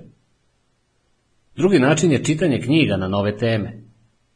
Prirodno sam znatiželjan i volim da učim, ali i dalje imam sklonost da čitam samo knjige na svoje omiljene teme, kao što je, na primjer, liderstvo.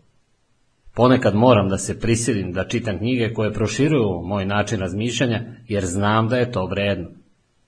Ako želite da izađete izvan granica vlastitog konvencionalnog razmišljanja, smestite se unutar tuđih, drugačijih granica. Čitajte raznovrsna dela. Mnogi ljudi pogrešno veruju da onaj ko se nije rodio kreativan nikada neće biti kreativan. Međutim, iz mnogih strategija i primjera koje sam vam dao, vidjet ćete da se kreativnost može negovati u odgovarajućem podsticajnom okruženju. 4. Primenite realistično razmišljanje. Svi koji su pre nekoliko godina izašli s fakulteta znaju da obično postoji veliki jaz između fakultetskog obrazovanja i stvarnosti radnog sveta. Iskreno, na početku karijere trudio sam se da izbegnem previše realistično razmišljanje, jer sam mislio da će ometati moje kreativno razmišljanje. Ali što sam se više razvijao, sve više sam shvatao da realistično razmišljanje doprinosi mom životu. Sagledavanje realne situacije Stvarnost je razlika između onoga što želimo i onoga što stvarno jeste. Trebalo mi je vremena da malo pomalo postanem čovek koji razmišlja realistično. Proces se odvijao u fazama. Na početku se nimalo nisam bavio realističnim razmišljanjem. Nakon nekog vremena sam shvatio da je ono neophodno, pa sam mu se povremeno posvećivao. Ipak, Nije mi se svidjelo jer sam ga smatrao previše negativnim i prepuštao sam ga nekom drugom kad god sam mogao. Na kraju sam otkrio da moram početi da praktikujem realistično razmišljanje ako želim da rešim probleme i učim iz sobstvenih grešaka. S vremenom sam počeo svesno da razmišljam na realističan način pre nego što upadnem u nevolju i pretvorim to u stalan deo svog života. Danas ohrabrujem svoje rukovodioce da razmišljaju na realističan način. Realistično razmišljanje temelje našeg poslovanja jer iz njega crpimo izvesnost i sigurnost. Zašto treba da prepoznate važnost realističnog razmišljanja? Ako ste po prirodi optimistični kao ja, možda nemate veliku želju da postanete realističniji u razmišljanju. Ali negovanje realističnog razmišljanja neće smanjiti vašu veru u ljude, niti će vam umanjiti sposobnost da uočite i iskoristite mogućnosti. Umjesto toga, koristit će vam na druge načine. Pod jedan, realistično razmišljanje smanjuje rizik od negativnog ishoda planova. Delovanje uvijek ima posljedice, a realistično razmišljanje vam pomaže da odredite kakve bi te posljedice mogle biti. I to je od presudne važnosti, jer samo prepoznavanjem i razmatranjem posljedica možete da isplanirate ishod. Ako vaše planiranje obuhvata najgori mogući scenario, možete da smanjite rizik od nepovoljnog ishoda. Po dva, realistično razmišljanje vam daje cilj i strategiju. Upoznao sam poslovne ljude koji nisu bili realistični mislioci. Dobra strana je što su bili veoma pozitivni i ulagali su velike nade u svoj posao. Loša strana takvog pristupa je činjenica da oslanjanje na nadu ne predstavlja strategiju. Realistično razmišljanje pruža prednost u rukovođenju i upravljanju jer zahteva da se ljudi suoče sa stvarnošću. Oni počinju da definišu svoj cilj i razvijaju strategiju igre kako bi došli do njega. Kada počnu da razmišljaju na realističan način, ljudi istovremeno pojednostavljuju postupke i procedure, a krajnji rezultat je veća efikasnost. Istina je da je samo nekoliko odluka u poslu važno. Osobe sa realističnim načinom razmišljanja razumeju razliku između zaista važnih odluka i onih koje su samo neophodne u običajnom toku poslovanja. Odluke koje su važne odnose se direktno na vaš cilj. James Allen je bio u pravu kada je napisao Inteligentno dostignuće ne postoji sve dok se misao ne poveže sa ciljem. Pod 3. Realistično razmišljanje je okidač za promenu. Promjene redko predstavljaju veliki prioritet ljudima koji se oslanjaju na nadu u svoj uspeh. Ako se oslanjate samo na nadu, podrazumevate da su postignuće i uspeh izvan vaših moći. To je onda pitanje šanse ili sreće. Zašto se onda mučiti da promenimo bilo šta? Realistično razmišljanje može da promeni takav pogrešan stav. Ne postoji ništa bolje od suočavanja sa realnošću što nekoga može naterati da shvati potrebu za promenu. Promena sama po sebi ne donosi razvoj, ali razvoj se nikada ne dešava bez promene. Pod četiri. Realistično razmišljanje pruža sigurnost. Svaki put kada razmišljate o onom najgorem što se može dogoditi i razvijate planove za slučaj nepredviđenih situacija, postajete samopouzdaniji i sigurniji. Umirujuće je znati da verovatno nećete biti iznenađeni. Razočaranje je razlika između očekivanja i stvarnosti. Realistično razmišljanje smanjuje razliku između ta dva. Pod pet. Realistično razmišljanje vam daje kredibilitet. Realistično razmišljanje pomaže ljudima da prihvate lidera i poveruju u njegovu ili njenu viziju. Lideri koji se često iznenade neočekivanim ishodom ubrzo gube kredibilitet kod svojih sledbenika. S druge strane, lideri koji realistično razmišljaju i planiraju shodno tome, omogućavaju svojim organizacijama da dožive uspeh. Zbog toga ljudi imaju poverenje u njih. Najbolji lideri postavljaju realna pitanja pre nego što izgrade viziju. Pitaju se, na primjer, da li je ovo moguće, da li ovaj san uključuje svakoga ili samo nekoliko njih i da li sam prepoznao i jasno odredio oblasti koje će otežati ostvarenje ovoga sna. Pod šest. Realistično razmišljanje vam pruža temelj na kome možete da gradite. Thomas Edison je primetio, vrednost dobre ideje je u njenom korišćenju. Suština realističnog razmišljanja je u tome što vam pomaže da ideju učinite upotrebljivom tako što ćete oduzeti faktor želje. Većina ideja i napora ne postiže nameravane rezultate, zato što se previše oslanjaju na ono što želimo, a ne na ono što zapravo jeste. Ne možete graditi kuću u vazduhu, zato su vam potrebni čvrsti temelji. Isto važi i za ideje i planove. Potrebno im je nešto konkretno na čemu možete da ih gradite. Realistično razmišljanje pruža taj čvrsti temelj. Pod sedam. Realistično razmišljanje je prijatelj onima koji su u nevolji. Ako kreativnost predstavlja ono što biste učinili da se ne plašite mogućeg neuspeha, onda je stvarnost ono što se suočava sa neuspehom ako se on dogodi. Realistično razmišljanje daje vam nešto konkretno na što ćete se osloniti u teškim vremenima, što može biti veoma utešno. Izvesnost usred nesigurnosti pruža vam stabilnost. Pod 8. Realistično razmišljanje donosi ostvarenje sna. Britanski romanopisac John Goldsworthy napisao je Idealizam se povećava s razmjerno udaljenosti od problema. Ako se ne približite dovoljno nekom problemu, nikada nećete izaći na kraj sa njim. Ako ne pogledate realno svoj san i ono što je potrebno uraditi da ga ostvarite, nikada ga nećete ostvariti. Realistično razmišljanje pomaže da se utaba put za ostvarenje bilo kojeg sna. Kako prepoznati važnost realističnog razmišljanja? Pošto sam po prirodi više optimista nego realista, morao sam da preduzmem konkretne korake kako bih poboljšao svoj način razmišljanja u ovoj oblasti. Evo pet stvari koje radim da bih poboljšao svoje realistično razmišljanje. Prva. Razvijte poštovanje prema istini. Nisam mogao da se razvijem u osobu koja razmišlja na realističan način, sve dok nisam počeo da uvažavam realistično razmišljanje. A to je značilo da naučim da sagledam istinu i uživam u njoj.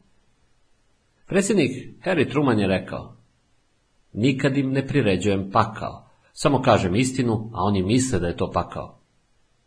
Mnogi tako reaguju na istinu. Ljudi su skloni preuveličavanju sobstvenih uspeha i umanjivanju svojih neuspeha ili nedostataka. Žive po Rukertovom zakonu verujući da ništa nije toliko malo da se ne može preuveličati ili predstaviti važnijim nego što stvarno jeste. Nažalost, danas bi se mnogi mogli opisati citatom Winstona Churchilla. Mnogi ljudi se povremeno spotaknu o istinu, ali većina njih ustane i pobegne kao da se ništa nije dogodilo. U novije vreme, televizijski novinar Ted Koptel primetio je Naše društvo smatra da je istina prejak lek da bi se stvario nerazglašen. U svom najčistijem obliku istina nije učtivo tapšanje po ramenu. Ona je strašan prekor. Drugim rečima, istina će vas osloboditi, ali će vas prvo naljutiti. Ako želite da postanete osoba koja razmišlja na realističan način, morate se navići na suočavanje sa istinom i naučiti kako da postupate sa njom. Druga. Uradite domaći zadatak. Proces realističnog razmišljanja počinje završavanjem domaćih zadataka. Prvo morate da saznate činjenice. Bivši guverner, kongresmen i ambasador Chester Bowles rekao je Kada pristupate nekom problemu, otarasite se unapred usvojenih mišljenja i predrasuda, sakupite i proučite činjenice u vezi sa situacijom, donesite odluku koja vam se čini najiskrenijom, a zatim je se pridržavajte. Nije važno koliko je vaše mišljenje ispravno ako je zasnovano na netačnim podacima ili pretpostavkama. Ne možete dobro da razmišljate u nedostatku činjenica ili ako posjedujete loše informacije. Isto tako možete da saznate šta su drugi uradili u sličnim okolnostima. Zapamtite, vaše mišljenje ne mora nužno biti originalno, ono jedino mora biti nepokolebljivo. Zašto ne biste naučili sve što možete od dobrih misilaca koji su se suočavali sa sličnim situacijama u prošlosti? Neka od mojih najboljih razmišljanja su zapravo obavili drugi. Treća. Razmišljajte o prednostima i nedostacima. Ništa vam ne može pružiti bolji i veći uvid u stvarnost, kao kada nađete vreme da stvarno ispitate prednosti i nedostatke nekog problema. To se redko svodi na to da jednostavno izaberete pravac delovanja prema što većem broju prednosti, jer sve prednosti i nedostaci nemaju jednaku važnost. Ali to svakako ne predstavlja vrednost upražnjavanja gore pomenutog. To vam pre pomaže da uronite u činjenice, ispitate problem iz mnogih uglova i zaista sagledate posljedice mogućeg pravca delovanja. Četvrta. Zamislite najgori mogući ishod. Suština realističnog načina razmišljanja je otkrivanje, zamišljanje i ispitivanje najgoreg mogućeg scenarija. Postavite sebi pitanja kao što su. Šta ako prodaja ne dosegne zadate parametre? Šta ako prihodi padnu na najniži mogući nivo, odnosno padnu pravo na dno? Šta ako ne steknemo stalne klijente? Šta ako nam klijent ne plati? Šta ako moramo da obavljamo posao sa nedovoljnim brojem radnika? Šta ako se naš najbolji igrač razboli? Šta ako svi fakulteti odbiju moju prijavu? Šta ako tržište zamre? Šta ako dobrovoljci odustanu? Šta ako se niko ne pojavi? Shvatate o čemu govorim?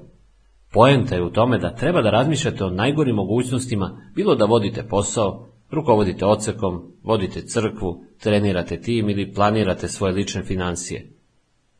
Vaš cilj nije da budete negativni ili da očekujete najgore, već samo da budete spremni u slučaju da do toga dođe. Na taj način pružate sebi najbolju šansu za pozitivan rezultat, bez obzira na sve. Ako zamislite najgori mogući slučaj i podrobno ga istražite, zaista ste iskusili proveru stvarnog stanja stvari. Spremni ste za sve.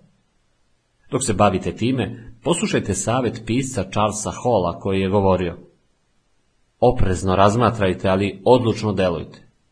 Graciozno popuštajte ili se čvrsto suprostavljajte. Peta. Uskladite svoje razmišljanje sa svojim resursima. Jedno od rješenja za poboljšanje realističnog razmišljanja jeste usklađivanje vaših resursa sa vašim ciljevima. Sagledavajući prednosti i nedostatke te ispitujući najgore moguće slučajeve, postaćete svesni svih rizika između onoga što želite i onoga što stvarno jeste. Kad budete saznali koje su to razlike, možete iskoristiti svoje resurse da ih premostite. Uostalom, resursi tome i služe. 5. Iskoristite strateško razmišljanje. Kad čujete izraz strateško razmišljanje, šta vam pada na pamet? Da li vam vizije poslovnih planova zaplešu u glavi? Da li se prisjetite marketinških planova koje mogu da ožive kompaniju? Možda razmišljate o globalnoj politici ili se prisjećate nekih od najvećih vojnih kampanja u istoriji. Hanibala koji je prešao Alpe da bi iznenadio rimsku vojsku, Karla Veliko koji je osvojio zapadnu Europu ili invazije saveznika na Normandiju poznate kao Dan D. Možda vam sve to pada na pamet, ali strategija ne mora biti ograničena na vojne akcije, pa čak ni na posao. Strateško razmišljanje može imati pozitivan utjecaj na bilo koju oblast vašeg života. Planirajte svoj život. Živite prema svom planu. Primetio sam da većina ljudi pokušava da isplanira svoj život na jednodnevnoj bazi. Kad se probude, sastave listu obaveza i krenu u akciju, mada neki ljudi nisu ni toliko strateški orijentisani. Veoma mali broj njih planira svoj život na nedeljnoj bazi prelistaju svoj kalendar za tu nedelju, provere što imaju zakazano, pregledaju svoje ciljeve i onda odu na posao. Takvi ljudi obično postignu više od većine kolega koje planiraju na dnevnom nivou. Ja se trudim da planiram jedan korak dalje od toga. Na početku svakog meseca pola dana radim na svom kalendaru za narednih 40 dana. Period od 40 dana je za mene bolji nego period od 30 dana. Na taj način sam sljedećeg mjeseca u prednosti i izbegavam neprijatno iznenađenja. Započinjem pregledom rasporeda putovanja i planiranjem aktivnosti sa porodicom. Potom analiziram koje projekte, predavanja i druge ciljeve želim da ostvarim tokom tih 5 do 6 nedelja. Nakon toga odvajam dane i vreme za razmišljanje, pisanje, rad, sastanke i tako dalje. Određujem i vreme za zabavu kao što je gledanje emisija, odlazak na futbalske utakmice ili igranje golfa. Pomalo vremena odvajam i za neočekivane situacije. Kada završim planiranje, mogu vam nabrojati skoro sve što ću raditi tokom narednih nedelja, skoro u sat precizno. Ova strategija je jedan od razloga zašto sam uspeo mnogo da postignem. Zašto bi trebalo da oslobodite moć strateškog razmišljanja? Strateško razmišljanje mi pomaže da planiram, da postanem efikasniji, da povećam svoje snage i pronađem najdirektniji put ka ostvarenju bilo kojeg cilja. Prednosti strateškog razmišljanja su brojne. Evo nekoliko razloga zbog kojih bi trebalo da ga usvojite kao jedan od svojih načina razmišljanja. Prvi razlog. Strateško razmišljanje pojednostavljuje ono što je teško. Strateško razmišljanje zapravo nije ništa drugo nego najveći mogući stepen planiranja. Španski romanopisac Miguel de Cervantes je rekao, pripremljen čovek je već dobio pola bitke. Strateško razmišljanje se bavi složenim pitanjima i dugoročnim ciljevima koje je teško rešiti i dosegnuti i rašranjuje ih na manje delove kojima se može upravljati. Sve postaje jednostavnije kada postoji plan. Strateško razmišljanje vam također može pomoći da pojednostavite svakodnevni život. Ja to postižem koristeći sisteme koji nisu ništa drugo nego ponovljene dobre strategije. Vrlo sam poznat među pastorima i ostalim govornicima po svom sistemu arhiviranja. Pisanje, predavanje ili govora može biti teško, upravo zbog toga što koristim takav sistem za čuvanje citata, priča i članaka, kada mi nešto od toga zatreba da upotpunim ili ilustrujem poentu, jednostavno odem do jedne od svojih 1200 datoteka i pronađem dobar materijal koji se uklapa. Skoro svaki težak zadatak može se pojednostaviti pomoću strateškog razmišljanja. Drugi način. Strateško razmišljanje vas navodi da postavljate prava pitanja. Da li želite da rešite složena ili teška pitanja? Onda postavljajte pitanja. Strateško razmišljanje vas tera na ovakav postupak. Poslušajte sljedeća pitanja koja je sastavio moj prijatelj Bob Bill, autor knjige A Complete Guide for Building a Strategic Plan for Your Business, Church or Organization. Pravac. Šta bi trebalo dalje da radimo? Zašto? Organizacija. Ko je zašto odgovoran? Ko je za koga odgovoran? Da li imamo prave ljude na pravim mestima? Novac. Koji su naši projektovani prihodi, rashodi neto? Možemo li to da priuštimo? Kako to možemo da priuštimo? Praćenje. Da li smo usmereni na cilj? Ukupna procena. Da li postižemo kvalitet koji očekujemo i zahtevamo od sebe? Poboljšanje. Kako možemo biti delotvorniji, približiti se idealu? Ovo možda nisu jedina pitanja koja bi trebalo da postavite kako biste započeli formulisanje strateškog plana, ali svakako predstavljaju dobar početak. Treći način. Strateško razmišljanje vas postiče da se prilagođavate. General George Patton je primetio Uspešni generali prave planove koji odgovaraju okolnostima, a ne pokušavaju da stvore okolnosti koje se uklapaju sa planovima. Svi dobri strateški misioci su precizni u svom razmišljanju. Oni se trude da strategiju prilagode problemu, jer strategija ne predstavlja jedno rešenje koje može da se primeni na sve okolnosti. Neprijatelj uspeha je površno ili uopšteno razmišljanje. Namera da se prilagodite strateškom razmišljanju vas prisiljava da idete dalje od nejasnih ideja i pronađete specifične načine za rešavanje zadataka ili problema. Ono izoštrava um. Četvrti način. Strateško razmišljanje vas priprema danas za neizvesno sutra. Strateško razmišljanje je most koji povezuje mesto na kome se trenutno nalazite sa mestom gde želite da budete. Ono vam danas daje smer i verodostojnost i povećava vaš potencijal za uspeh sutra. Spisateljica Mary Webb ukazala je da je to kao da osedlavate svoje snove pre nego što ih uzjašete. Peti način. Strateško razmišljanje smanjuje prostor za greške. Svaki put kada reagujete prenagljeno ili bez razmišljanja, prostor za greške se povećava. To je kao kada bi igrač golfa prišao loptici i udario prethodno se ne pripremivši za udarac. Udarac koji ostupa za samo nekoliko stepeni može poslati lopticu stotinu metara dalje od cilja. Međutim, strateško razmišljanje u velikoj meri smanjuje taj prostor za greške. Ono usklađuje vaše delovanje sa vašim ciljevima, baš kao što vam priprema udarca u golfu pomaže da loptu približite rupi. Što se bolje usklađeni sa svojim ciljem, to su veći izgledi da ćete krenuti u pravom smeru. I šesti način.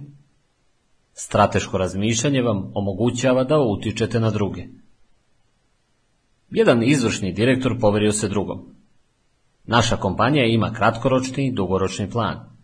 Kratkoročni plan je da se održimo na površini dovoljno dugo kako bismo stigli do našeg dugoročnog plana. To se teško može nazvati strategijom, ali je položaj u koji se neki rukovodioci postavljaju. Takvo zanemarivanje strateškog razmišljanja dovodi do mnogih problema. Na taj način ne samo da se ne može izgraditi posao, već se gubi poštovanje svih koji su uključeni u njega. Ko ima plan, taj posjeduje moć. Nije važno u kakvu vrstu aktivnosti se uključeni. Poslovnog rukovodioca koji ima dobar poslovni plan, zaposleni žele da prate.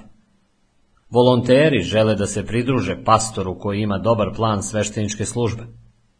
Deca žele da budu sa odraslom osobom koja ima dobro osmišljen plan za odmor. Ako sprovodite strateško razmišljanje, drugi će vas slušati i želeće da vas prate. Ako se nalazite na liderskoj poziciji u nekoj organizaciji, strateško razmišljanje je od suštinskog značaja za vas. Kako da oslobodite moć strateškog razmišljanja? Da biste bolje koristili strateški način razmišljanja i mogli da formulišete i sprovedete planove pomoću kojih ćete ostvariti željeni cilj, imajte na umu sledeće smernice. Prvo, raščlanite problem. Prvi korak u strateškom razmišljanju je raščlanjivanje problema na manje delove kojima je lakše upravljati, kako biste se što efikasnije mogli usresrediti na njih. Na koji način to radite nije toliko važno koliko je važno samo da to uradite. Možete da raščlanite problem prema vrsti zadatka. To je uradio inovator u oblasti automobilske industrije Henry Ford kada je stvorio pokretnu montažnu traku. Zbog toga je rekao, ništa nije naročito teško ako ga podelite na male poslove. Na vama je kako ćete raščlaniti problem, bilo da je to po vrsti zadatka, rasporedu, odgovornosti, svrsi ili primjenom neke druge metode. Poenta je u tome da problem morate raščlaniti. Samo jedna od milion osoba može držati sve probleme u svojoj glavi i razmišljati strateški kako bi stvorila čvrste, održive planove. Drugo, pitajte zašto pre nego što pitate kako. Kada počnu da koriste strateški način razmišljanja za rešavanje problema ili planiraju način da dođu do nekog cilja, mnogi ljudi često prave grešku jer trče pred rudu i odmah pokušavaju da shvate kako da ga ostvare. Umesto što pitaju kako, prvo bi trebalo da pitaju zašto. Ako se bacite pravo na rešavanje problema, kako da znate sva pitanja o tome? Preduzetnik Eugene Grace je rekao, Hiljade inženjera mogu da projektuju mostove, izračunaju naprezanja i deformacije i sastave specifikacije za mašine, ali veliki inženjer je čovek koji može da kaže da li je uopšte potrebno napraviti most ili mašinu, gde ga treba napraviti i kada. Kada se pitate zašto, to vam pomaže da razmislite o svim razlozima za donošenje odluka. Pomaže vam da otvorite svoj um za mogućnosti i prilike. Važnost određene prilike često određuje obim resursa i količinu napora koje morate da uložite. Velike mogućnosti dopuštaju da donosite velike odluke. Ako se prerano budete pitali kako, možete to da propustite. Treća. Prepoznajte stvarne probleme i ciljeve. William Feder, pisac knjige Posao života, rekao je Pre nego što može da se reši, Problem mora jasno da se definiše. Previše ljudi žuri da stigne do rešenja i na kraju završe rešavajući pogrešan problem. Da biste to izbegli, postavljajte pronicljiva pitanja kako biste otkrili stvarne probleme. Dovedite sve svoje pretpostavke u pitanje. Prikupljajte informacije čak i kada smatrate da ste već utvrdili problem. Možda ćete i dalje morati da radite sa nepotpunim informacijama, ali ne želite da donesete brzoplet zaključak pre nego što prikupite dovoljno informacija pre nego što pristupite određivanju stvarnog problema. Započnite pitanjem šta bi drugo moglo da bude stvarni problem. Također bi trebalo da uklonite bilo kakav lični interes. On može da vam zamagli rasuđivanje više od bilo čega drugog. Otkrivanje stvarne situacije i ciljeva glavni je deo bitke. Kada se utvrde stvarni problemi, rešenja su često jednostavna. Četvrta. Analizirajte svoje resurse. Već sam spomenuo koliko je važno biti svestan kojim resursima raspolažete, ali to je dovoljno važno da može da se spomene ponovo. Strategija koja ne uzima u obzir resurse osuđena je na neuspeh. Izvršite popis. Koliko vremena imate? Koliko novca? Koje vrste materijala, zaliha ili inventara imate? Koja su vaša ostala sredstva? Koje će se obaveze ili dugovanja pojaviti? Koji ljudi u timu mogu da izvrše uticaj? Poznajete sobstvenu organizaciju i delatnost. Otkrijte koje resurse imate na raspolaganju. Peta. Razradite plan. Način na koji pristupate procesu planiranja uveliko zavisi od delatnosti kojom se bavite i veličine izazova sa kojim planirate da se uhvatite u koštac. Tako da je teško dati konkretne preporuke. Međutim, bez obzira na koji način planirate, prihvatite ovaj savjet. Počnite od očiglednog. Takav način rešavanja problema ili sprovođenja plana donosi jedinstvo i saglasnost timu, jer svi vide očigledne stvari. Očigledni elementi grade mentalni polet i pokreću kreativnost i energičnost. Najbolji način za stvaranje puta do kompleksnog jeste građenje na temeljima. Šesta. Postavite prave ljude na pravo mesto. Od ključne važnosti je da uključite svoj tim u svoje strateško razmišljanje. Pre nego što počnete da realizujete plan, morate biti sigurni da imate prave ljude na pozicijama. Čak i najbolje strateško razmišljanje neće pomoći ako ne uzmete u obzir ljudski faktor u jednačini. Poslušajte šta se dešava ako pogrešno izračunate. Pogrešna osoba, problemi umjesto potencijala. Pogrešno mesto, frustracija umjesto ostvarenja. I pogrešan plan, žaljenje umjesto razvoja. Međutim, kada spojite sva tri elementa, pravu osobu, pravo mesto i pravi plan, sve funkcioniše skladno. Sedma. Stalno ponavljajte proces. Moj prijatelj Olan Hendricks primetio je. Strateško razmišljanje je poput tuširanja. Morate ga stalno ponavljati. Ako očekujete da bilo kakav veliki problem rešite zauvek u jednom nabratu, čeka vas razočaranje. Male stvari se mogu lako osvojiti pomoću sistema i lične discipline, ali veliki problemi zahtevaju vreme za strateško razmišljanje. Ono što je Tein Jost rekao zaista je istina. Volja za pobjedom je beskorisna ako ne posjedujete volju da se pripremite. Ako želite da vaše strateško razmišljanje bude efikasno, morate ga stalno upražnjavati. Dok sam radio na ovom poglavlju, naišao sam u lokalnom časopisu na članak o proslavi jevrejskog praznika Pashe i kako su milioni američkih jevreja čitali redosled služenja za svoj seder, odnosno obrok za vreme Pashe iz brošure koju izdala kompanija Maxwell House Coffee. Kompanija za proizvodnju kafe je više od 70 godina objavljivala ovu brošuru pod nazivom Hagada i za sve te godine je distribuirala više od 40 miliona primjeraka. Sjećam se da sam ih koristila celog života, rekla je Regina Witt koja ima oko 50 godina. Kao i njena majka koja je skoro 90 godina. To je naša tradicija. Mislim da bi bilo veoma čudno ne koristiti ih. Kako je došlo do toga da Maxwell House Coffee isporučuje ove brošure? To je bio rezultat strateškog razmišljanja.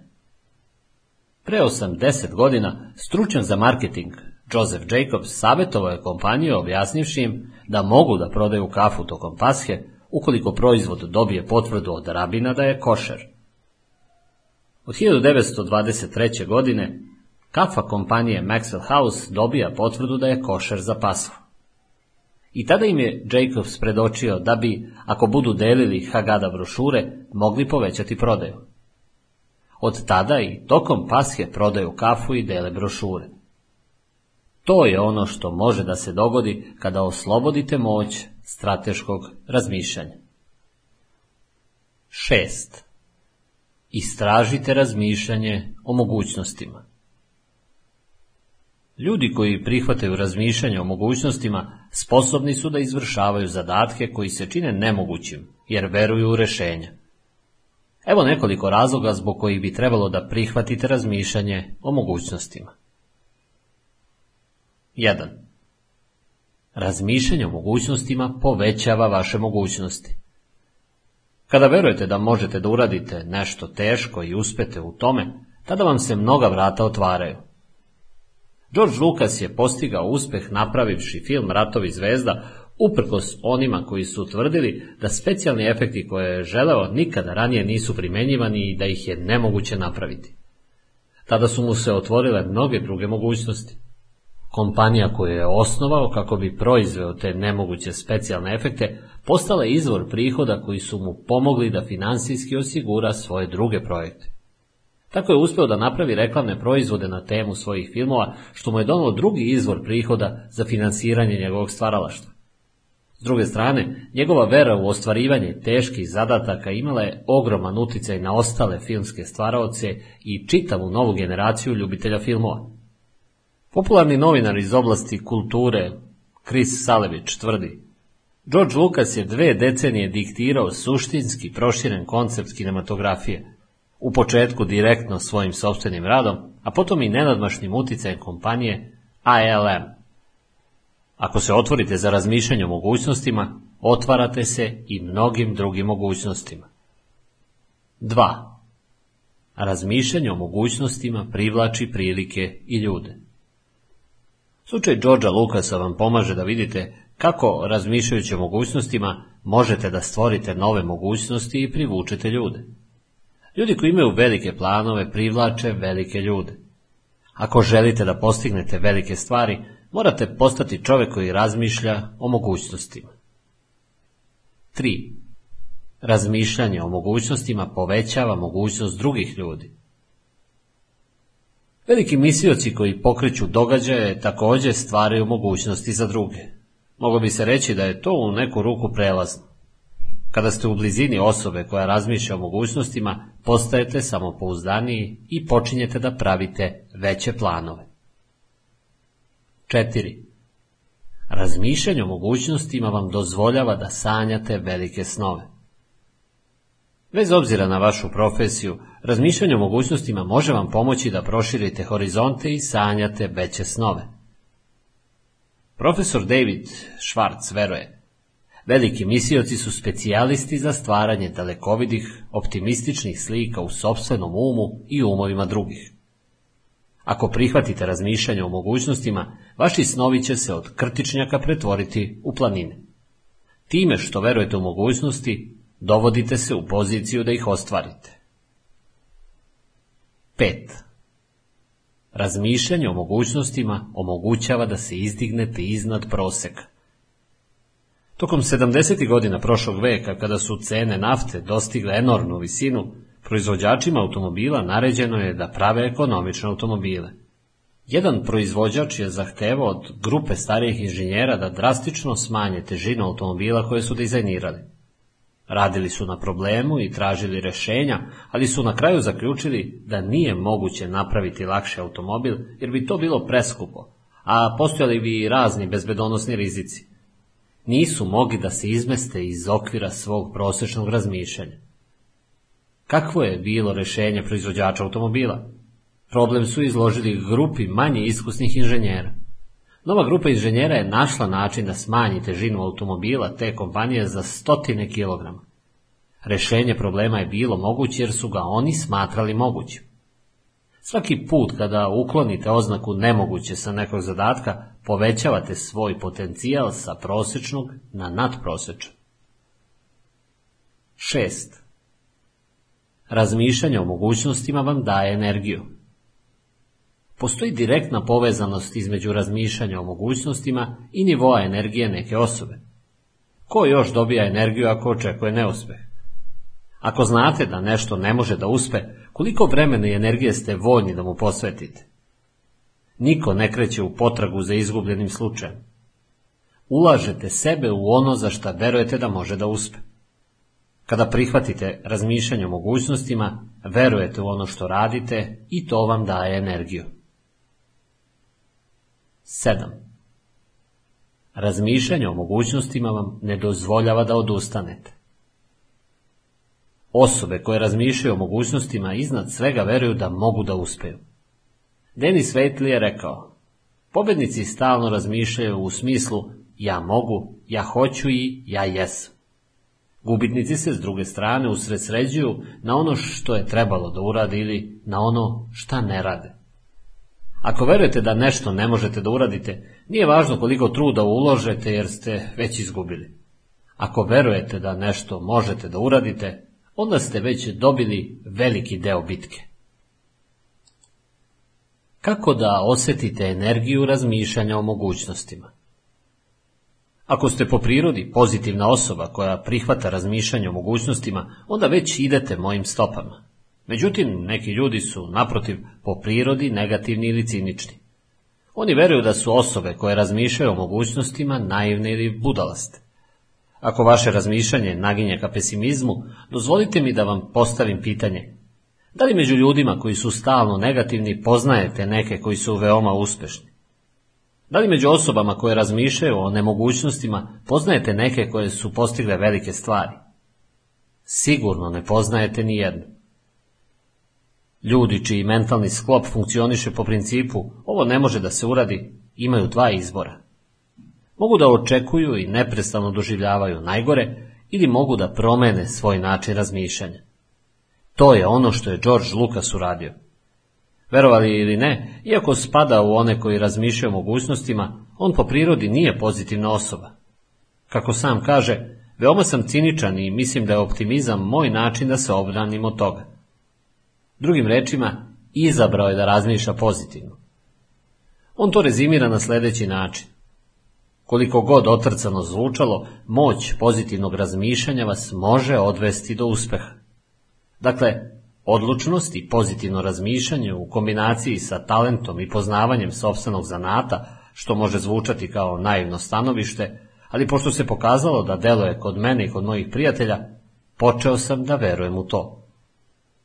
Ako želite da razmišljate o mogućnostima koje bi mogle da deluju u vašem slučaju, počnite da sprovodite ove predloge. Prvi. Prestanite da se fokusirate na nemogućnosti. Da biste postali osoba koja razmišlja o mogućnostima, najpre morate prestati da tražite ono što nije dobro u svim mogućim okolnostima i da mozgate nad tim. Sportski psiholog Bob Rotella ispričao je. Kažem ljudima, u redu je ako ne želite da se upustite u pozitivno razmišljanje. Jednostavno izbacite sve negativne misli iz glave i sve što ostane unutra bit će dobro. Ako razmišljanje o mogućnostima predstavlja nešto novo za vas, morat ćete mnogo da vežbate kako biste se rešili negativnih razgovora koje u sebi vodite sami sa sobom. Kada automatski počnete da nabrajate sve što može poći po zlu ili sve razloge zbog kojih nešto ne može da se uradi, zaustavite se i recite sebi nemoj to da radiš. Zatim se zapitajte šta je ispravno u vezi s tim. Ta pitanja će vam pomoći da počnete. Ako vam je pak negativan stav u istinu veliki problem, a pesimistične misli naviru iz vas pre nego što ste ih dobro razmotrili, možda ćete morati da pozovete u pomoć prijatelja ili člana porodice koji će vas upozoriti svaki put kada izgovorite neku negativnu ideju. Drugi. Držite se podalje od takozvanih stručnjaka. Takozvani stručnjaci više od svih ostalih doprinose tome da se nečiji snovi ugase. Osobe koje razmišljaju o mogućnostima nevoljno odbacuju bilo šta kao nemoguće. Pionir raketnog motora, Werner von Braun, je rekao Naučio sam da koristim reč nemoguće sa najvećim oprezom. A Napoleon Bonaparte je izjavio Reč nemoguće ne postoji u mom rečniku.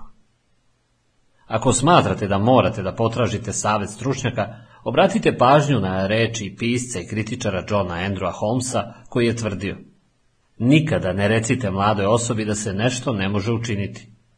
Bog je možda vekovima čekao nekoga ko baš i ne zna šta je to nemoguće da uradi upravo tu stvar. Ako želite da postignete nešto, dozvolite sebi da verujete da je to moguće, bez obzira na to šta bi stručnjaci mogli da kažu. Treći. Tražite mogućnosti u svakoj situaciji. Kako biste postali jedan od onih koji razmišlja o mogućnostima, nije dovoljno puko odbijanje da se prepustite negativnosti. Potrebno je nešto više. Potraga za pozitivnim mogućnostima uprkos okolnostima. Nedavno sam čuo Dona Soderquista, bivšeg direktora lanca robnih kuća. Ispričao je divnu priču koja ilustruje kako čovek može pronaći pozitivne mogućnosti u bilo kojoj situaciji. Sonderquist je otišao sa svojim kolegom Samom Boltonom u Huntsville Alabami da otvori nekoliko novih robnih kuća. Dok su bili tamo, Bolton je predložio da posete konkurenciju. Evo kako je Soderquist opisao ono što se dogodilo. Ušli smo u jednu robnu kuću i moram vam reći da je to bila najgora prodavnica koju sam ikada video. Bilo je strašno. Nije bilo mušterije. Na spratu nije bilo prodavaca. Prolazi između rafova su bili prepuni robe, praznih polica, prljavi. Bilo je potpuno strašno. Volton je krenuo na jednu stranu, ja na drugu, ali nekako smo se sastali na pločniku. Šta misliš, Done, upitao me. Seme, to je apsolutno najgora robna kuća u koju sam ušao. Mislim, jesi li video prolaz između rafova? Done, jesi li video stalak za najlon čarape, odvratio je. Ne, Seme, nisam ga video. Sigurno sam prošao drugim prolazom. Ja ga nisam video. To je najbolji stalak za najlon čarape koji sam ikad video Done, rekao je dodavši, kada sam izvukao šipku iz stalka, na poleđini sam primetio ime proizvođača. Kad se budemo vratili, želim da pozoveš tog proizvođača da poseti naše majstore. Hoću da postavim takav stalak u naše prodavnice. To je apsolutno najbolji stalak koji sam ikada video. Zatim je upitao, jesi li primetio kozmetiku za etničke grupe? Seme to mora da stoji odmah do stalka za najlon čarape, jer ja je uopšte nisam video, odvratio sam. Done, da li shvataš da u našim robnim kućama kozmetika za različite etničke grupe zauzima samo metar i dvadeset? U ovoj radnji etnička kozmetika zauzima 12 stopa. Potpuno kaskamo za njima. Zapisao sam imena distributera nekih od tih proizvoda. Kada se vratimo, želim da nađeš našeg dobavljača kozmetike i ubaciš i ove proizvode u naš asortiman. Neophodno je da proširimo ponudu kozmetike za različite etničke grupe. Dakle, Sam Walton me nije ošamario i rekao, Done, šta si upravo naučio iz ovoga? Naučio me je time što je tražio dobre stvari, gledajući da nađe inspiraciju za poboljšanje, težeći ka savršenstvu. Veoma je lako uočiti šta drugi ljudi rade loše, ali jedna od liderskih karakteristika vizije koju mi je pokazao, a koju nikada neću zaboraviti, jeste da moramo istražiti ono što drugi ljudi rade dobro i primeniti to. Ne treba da budete genije ili da imate 20 godina iskustva kako biste pronašli mogućnost u svakoj situaciji. Svako to može da postigne. Dovoljno je samo zauzeti ispravan stav. Četvrti. Sanjajte za nijansu veće snove.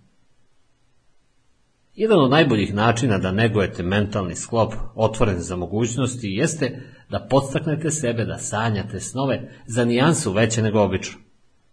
Budemo iskreni, većina ljudi ima sasvim male snove. Ne prave velike planove. Slavni britanski vojnik Henry Curtis savjetovao je.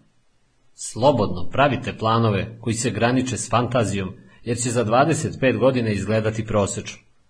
Neka vaši planovi budu 10 puta veći od prvobitnog plana, a za 25 godina ćete se pitati zašto niste napravili 50 puta veće. Ako naterate sebe da sanjate smelije, da zamislite svoju organizaciju za broj veću, da postavite ciljeve bar korak dalje od svoje zone udobnosti, bit ćete primorani da se razvijate.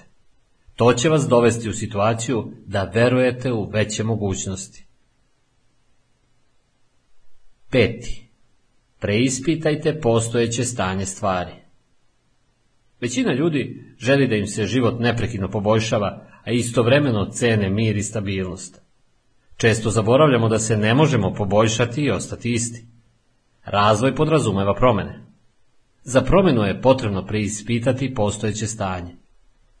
Ako želite veće mogućnosti, ne možete se pomiriti sa onim što imate sada. Kada postanete osoba koja razmišlja o mogućnostima, suočit ćete se sa mnogima koji će želeti da se odreknete svojih snova i prihvatite postojeće stanje. Ljudi koji postižu uspjehe odbijaju da prihvate postojeće stanje stvari.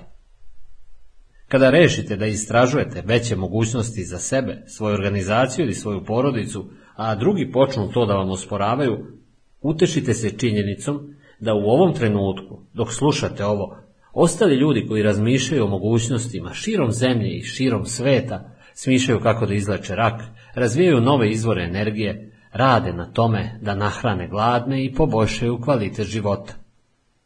Oni suprotstavljaju postojeće stanje stvari boljim izgledima, a to je upravo ono što bi i vi trebalo da uradite. Šesti. Nađite inspiraciju u uspešnim ljudima. Možete mnogo toga naučiti o razmišljanju, o mogućnostima, proučavajući uspešne ljude.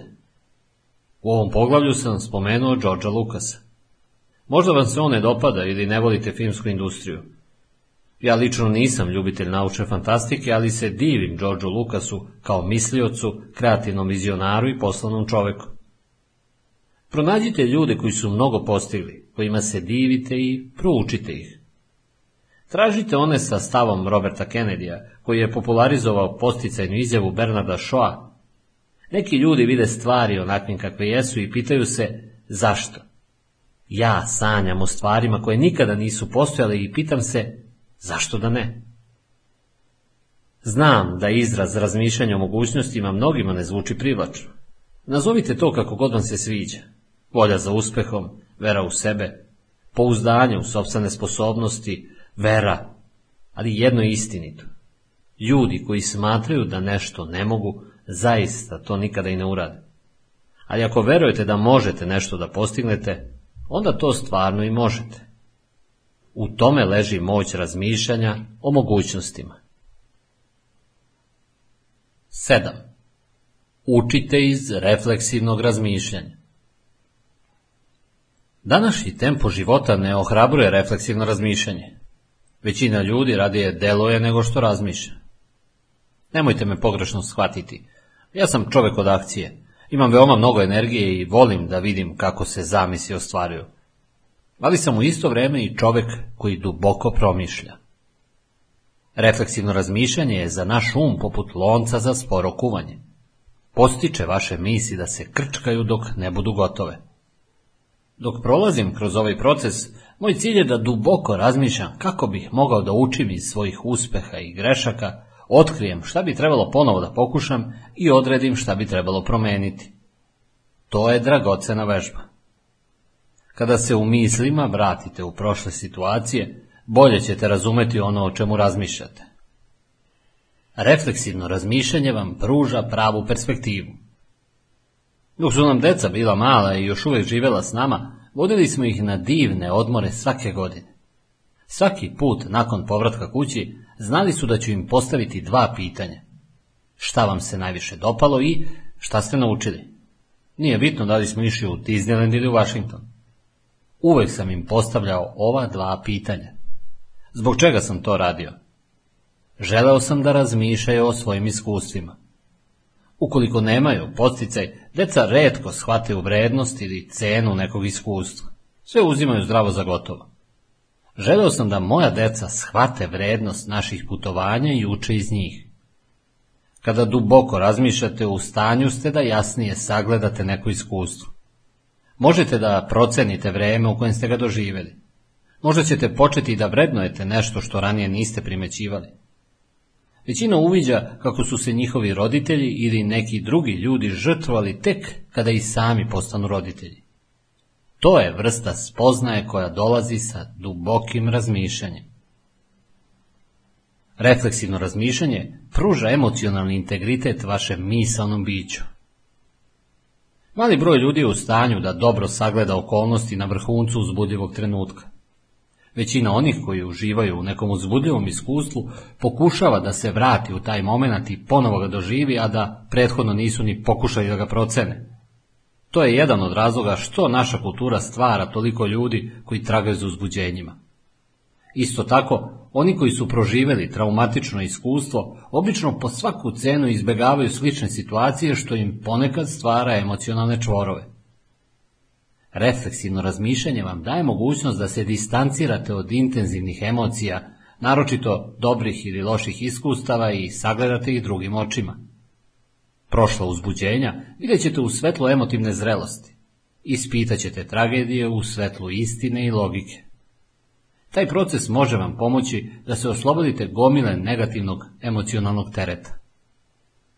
Predsjednik George Washington je primetio ne bi trebalo da se osvrćemo unazad, osim ako ne želimo da naučimo korisne lekcije iz prošlih grešaka i izvučemo korist iz skupo plaćenog iskustva.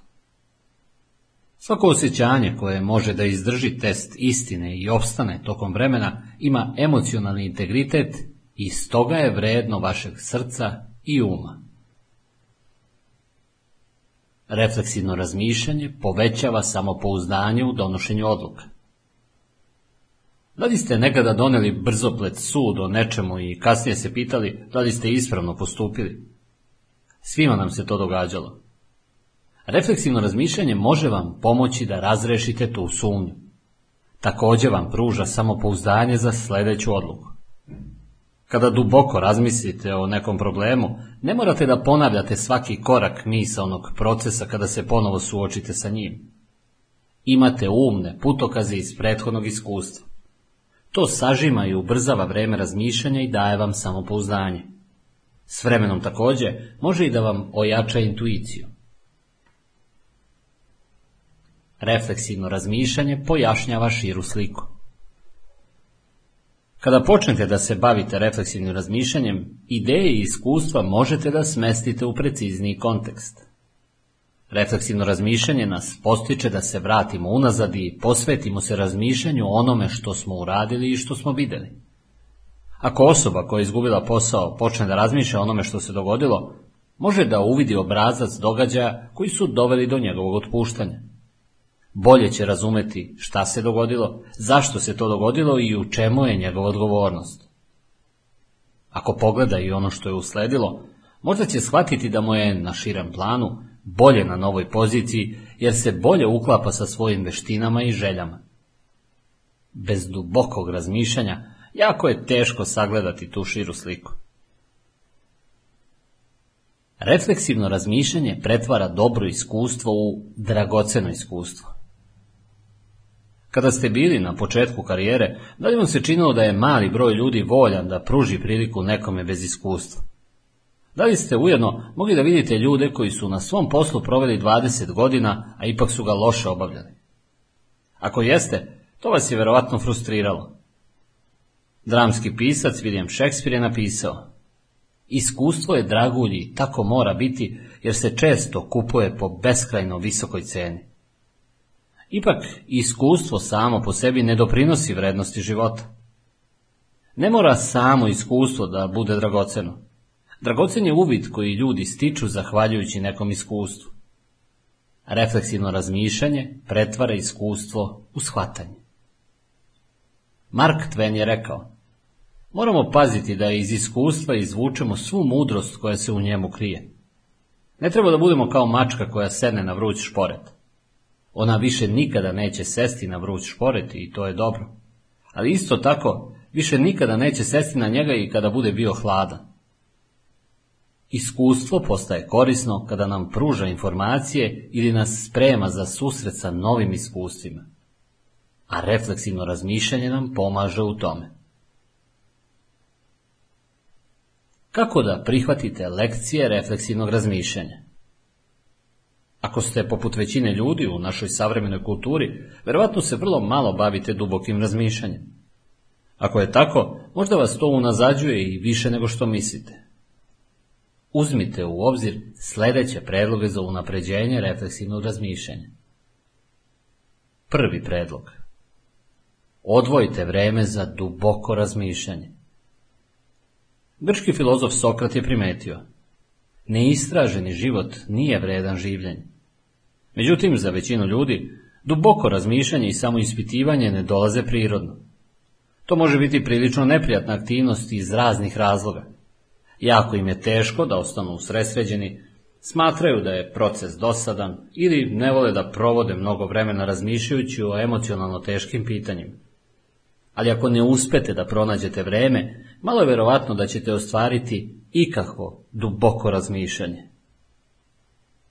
Drugi predlog. Udaljite se od stvari koje vas ometaju. Kao i bilo koja druga vrsta razmišljanja, duboko razmišljanje zahteva samoću. Ometanje i duboko razmišljanje jednostavno ne idu jedno sa drugim.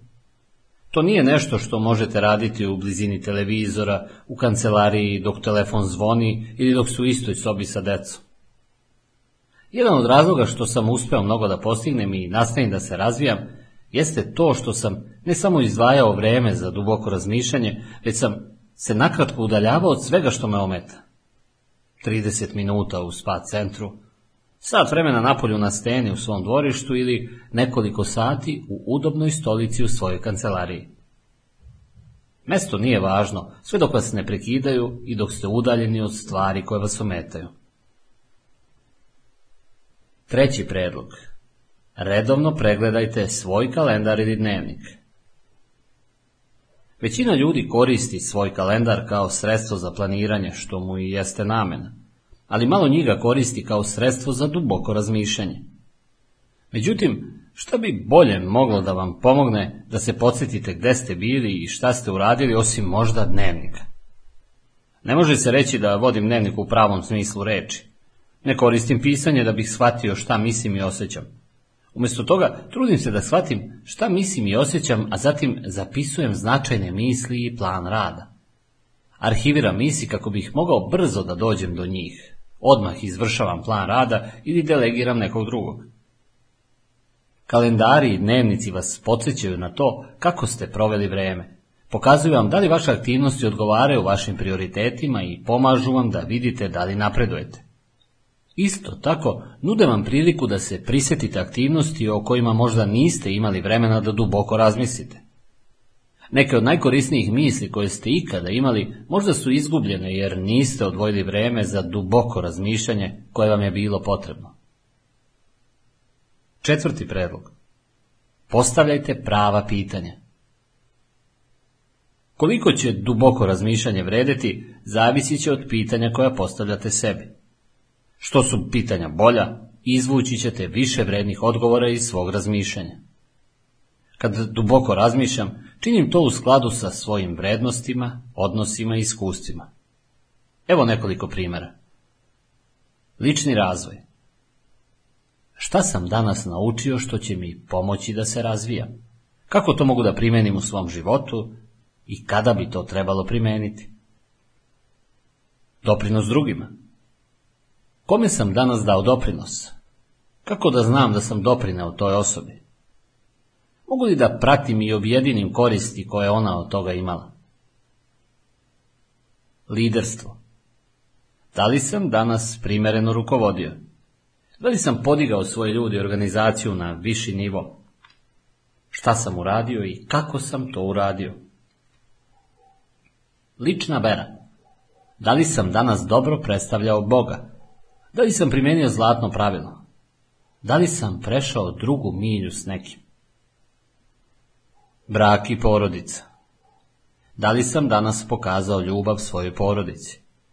Kako sam pokazao tu ljubav? Da li su je osjetili? Da li su je uzvratili? Unutrašnji krug.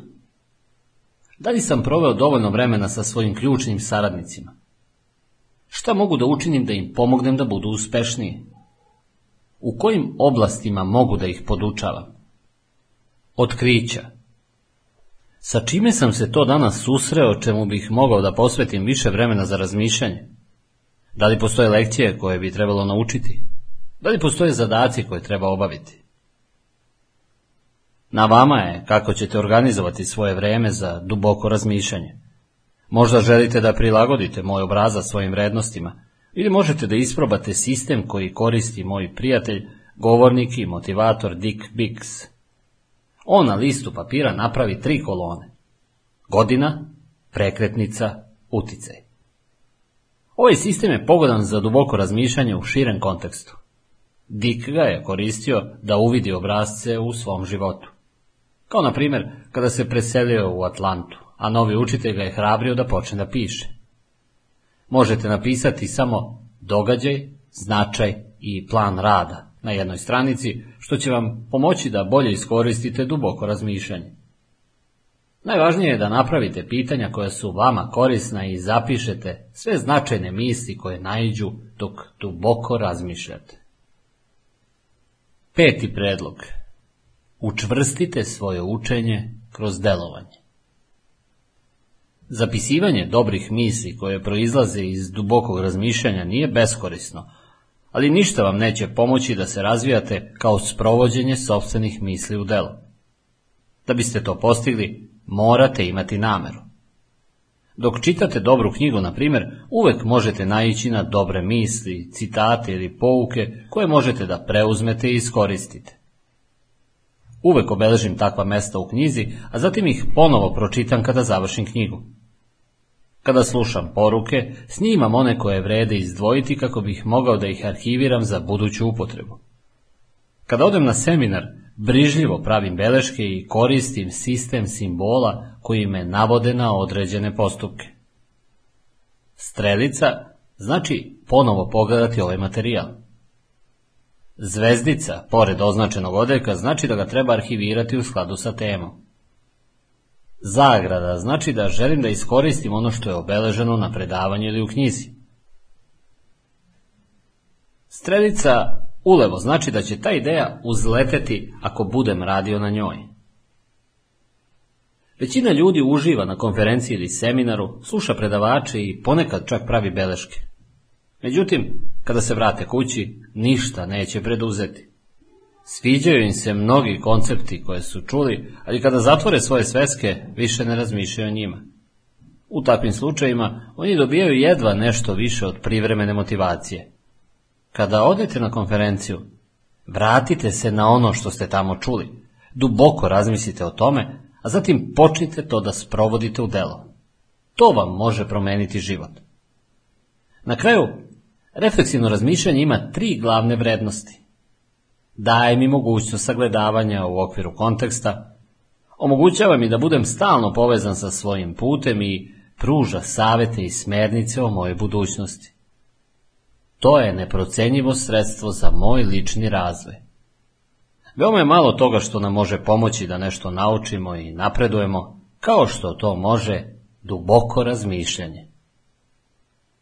8. Preispitajte opšte prihvaćeno razmišljanje. Ekonomista John Maynard Keynes, čije su ideje duboko uticale na ekonomsku teoriju i praksu u 20. veku, tvrdio je Teškoća ne leži toliko u razvoju novih ideja, koliko u bežanju od starih. Ići u smeru suprotnom od uvreženog načina razmišljanja može biti veoma teško, bilo da ste poslovan čovek koji želi da odbaci tradiciju kompanije, pastor koji želi da uvede novu vrstu muzike u svoju crkvu, mlada majka koja odbacuje priče starica koje su joj preneli roditelji ili tinejdžer koji ignoriše trenutno popularne stilove. Mnoge ideje u ovoj knjizi suprostavljaju se opšte prihvaćenom načinu razmišljanja. Ako više cenite popularnost od dobrog razmišljanja, time ozbiljno ograničavate svoj potencijal da naučite vrste razmišljanja koje podstiče ova knjiga.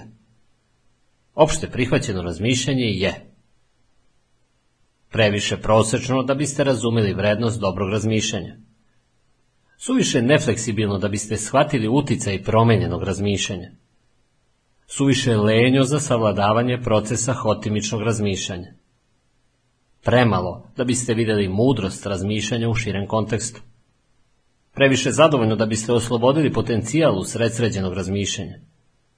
Previše tradicionalno da biste otkrili radost kreativnog razmišljanja.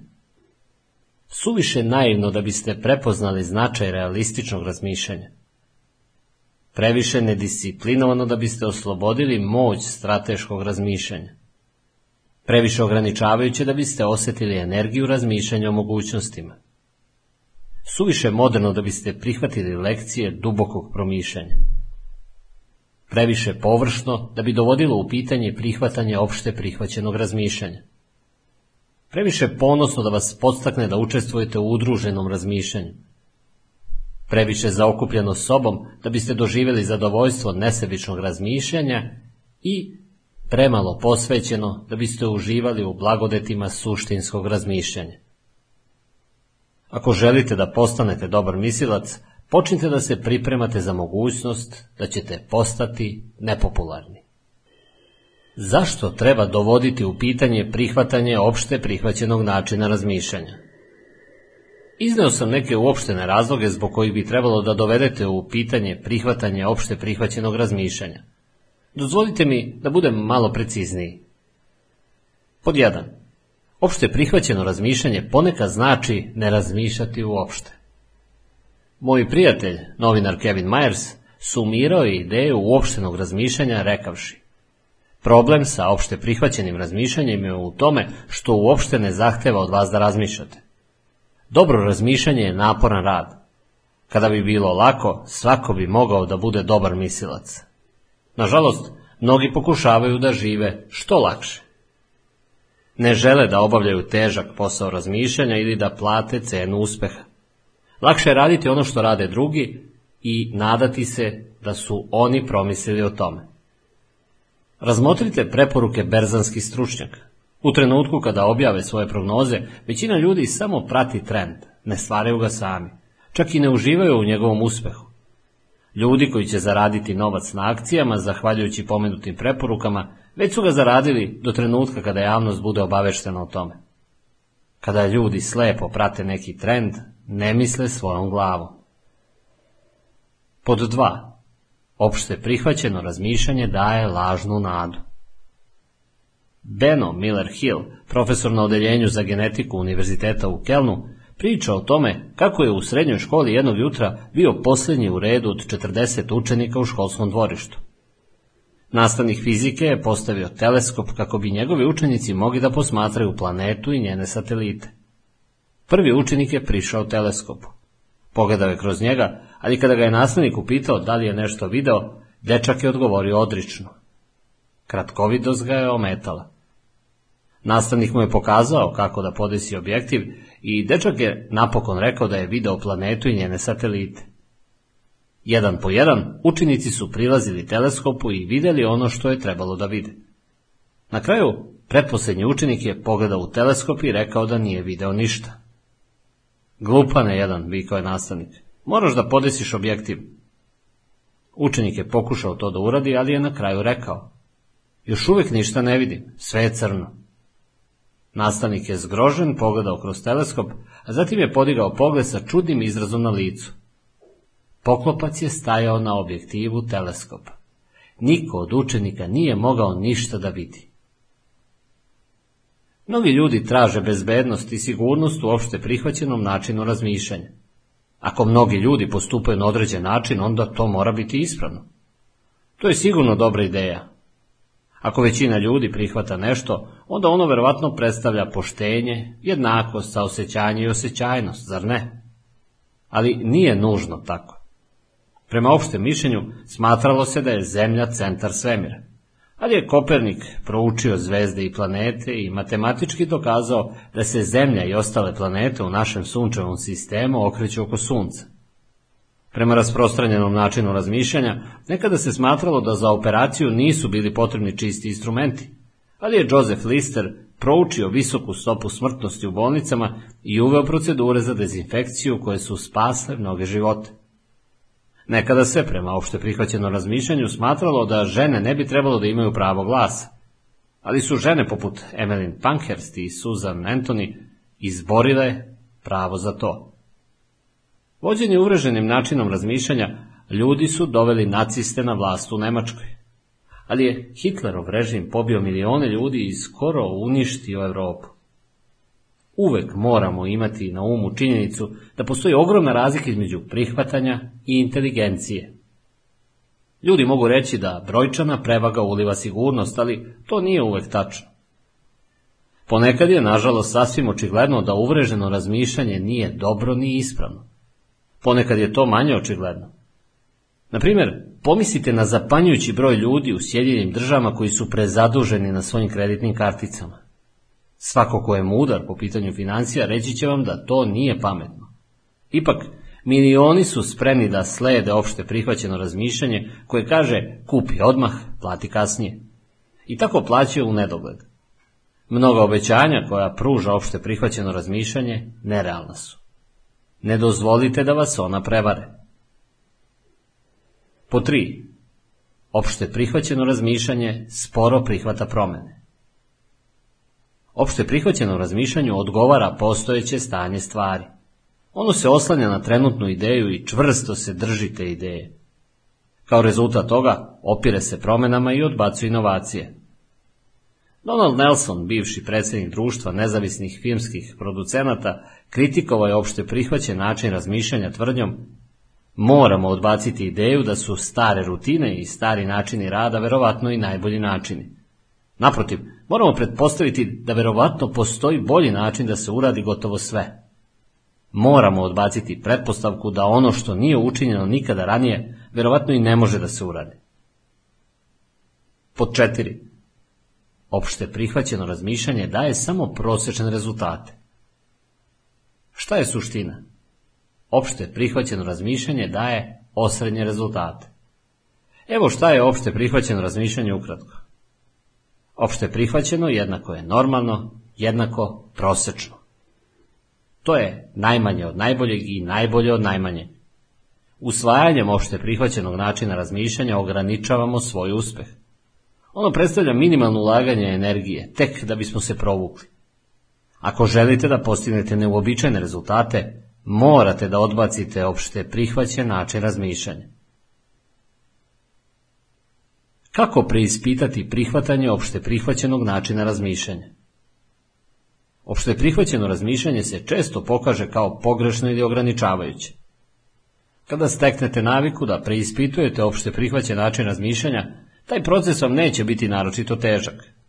Teško je samo započeti ga. Počnite tako što ćete preduzeti sledeće korake. Prvi. Razmislite pre nego što počnete da sledite. Mnogi ljudi skoro automatski slede druge. Ponekad to čine jer idu linijom manjeg otpora. U nekim drugim okolnostima plaše se da će biti odbijeni ili veruju da je mudro činiti ono što svi ostali čine. Međutim, ako želite da uspete, morate da razmislite šta je najbolje, a ne šta je popularno. Osporavanje opšte prihvaćenog načina razmišljanja iziskuje spremnost da budete neomiljeni, kao i da ne postupate prema utvrđenim pravilima. Na primjer, nakon tragedije koja se desila 11. septembra 2001. godine, mali broj ljudi je svojevoljno odlučio da putuje avionom. To je međutim bilo najbolje vreme za putovanje. Gužve su se smanjile, obezbeđenje je bilo pojačano, aviokompanije su snizile cene.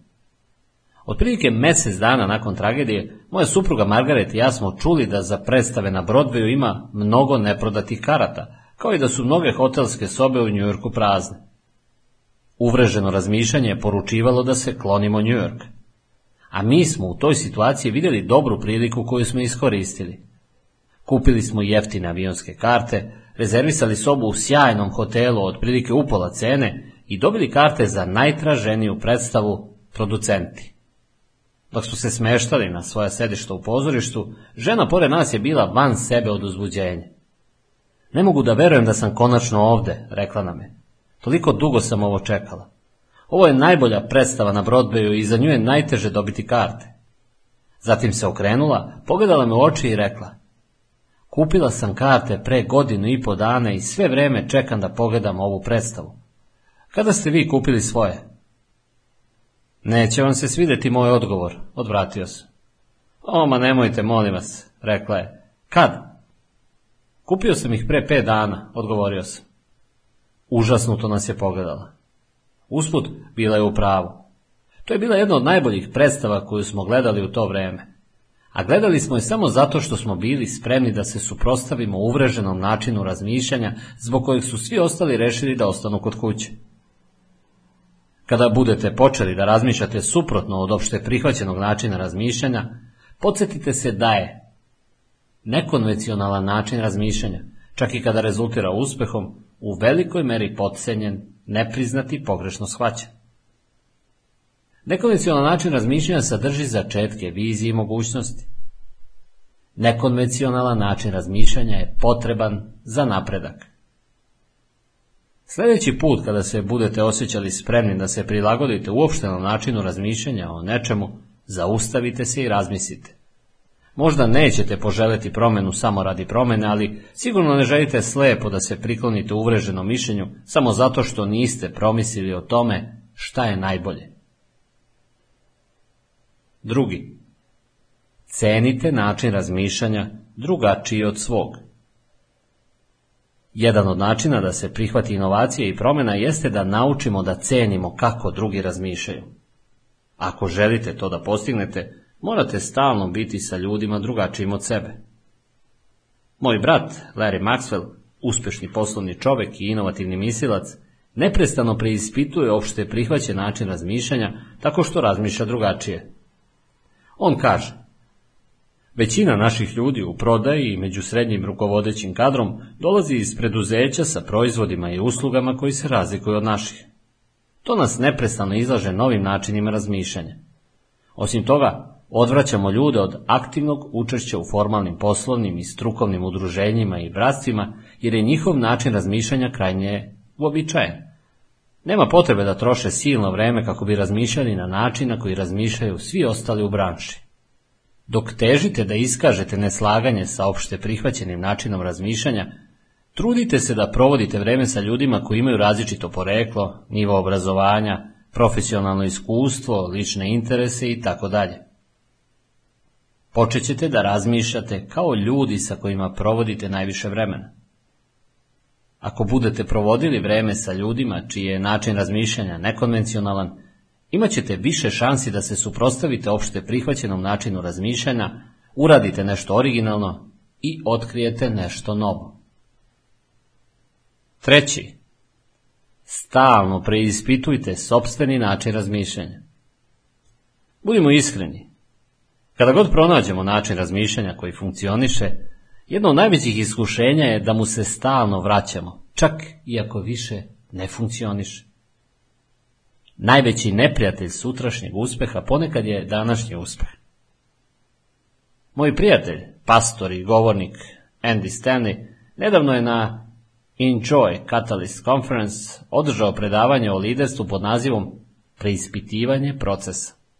Opisao je kako napretku mora da prethodi promjena, a ukazao je i na mnoge pokretačke sile uključene u preispitivanje uopštenog načina razmišljanja. Moramo zapamtiti, rekao je, da je u jednoj organizaciji svaka tradicija prvobitno bila dobra ideja, možda čak i revolucionarna. Ali možda nije svaka tradicija dobra za budućnost. Ako ste u svojoj organizaciji učestvovali u uspostavljanju trenutnog stanja, onda ćete se po svoj prilici odupirati promjenama, čak i promjenama nabolje. Zato je važno da preispitate svoj način razmišljanja. Ako ste previše vezani za sobstveno mišljenje i postojeće stanje, ništa se neće promeniti nabolje. Četvrti. Pokušajte nešto novo na nov način. Kada ste posljednji put nešto uradili prvi put u životu? Da li izbegavate da rizikujete ili isprobate nešto novo? Jedan od najboljih načina da se izvučete iz kolotečine sobstvenog razmišljanja jeste da uvedete novine. To možete učiniti malim, svakodnevnim koracima. Vozite se na posao drugim putem od uobičajeno. Naručite nepoznato jelo u svom omiljenom restoranu. Zamolite drugog kolegu da vam pomogne u poznatom projektu. Prestanite da radite mehanički. Nekonvencionalan način razmišljanja postavlja pitanja i traži opcije. Godine 1997. preselio sam svoje tri kompanije u Atlantu u Georgiji. To je sjajan grad, ali saobraćajna gužva u špicu ume da bude baš strašna. Odmah nakon selide počeo sam da tražim i testiram alternativne puteve do željenih destinacija kako ne bih ostajao zaglavljen u saobraćaju. Na primjer, otkrio sam i koristio devet različitih puteva od svoje kuće do aerodroma, a svi su bili ne duže od 13 km, što je 20 minuta vožnje. Često se zapanjim kada vidim da ljudi stoje na autoputu, a mogli bi da se kreću kada bi išli alternativnim putem. U čemu je problem? Previše je onih koji nikada nisu probali nešto novo na nov način. Istina je, većina ljudi se zadovoljava starim problemima umjesto da se posveti pronalaženju novih rešenja. Kako ćete nešto novo obavljati na nov način nije toliko bitno koliko je bitno da to zaista počnete da radite. Uostalom, ako budete pokušali da radite nešto novo na isti način na koji rade svi ostali, da li zaista idete protiv uvreženog načina razmišljanja? Izađite iz kuće i danas uradite nešto drugačije. Peti. Naviknite se na neprijatnost. Sve se u stvari svodi na to da je opšte prihvaćeno razmišljanje prijatno. Ono je kao stara fotelja koja se prilagodila telu vlasnika. Problem sa većinom starih fotelja je to što ih niko nije pogledao u posljednje vreme.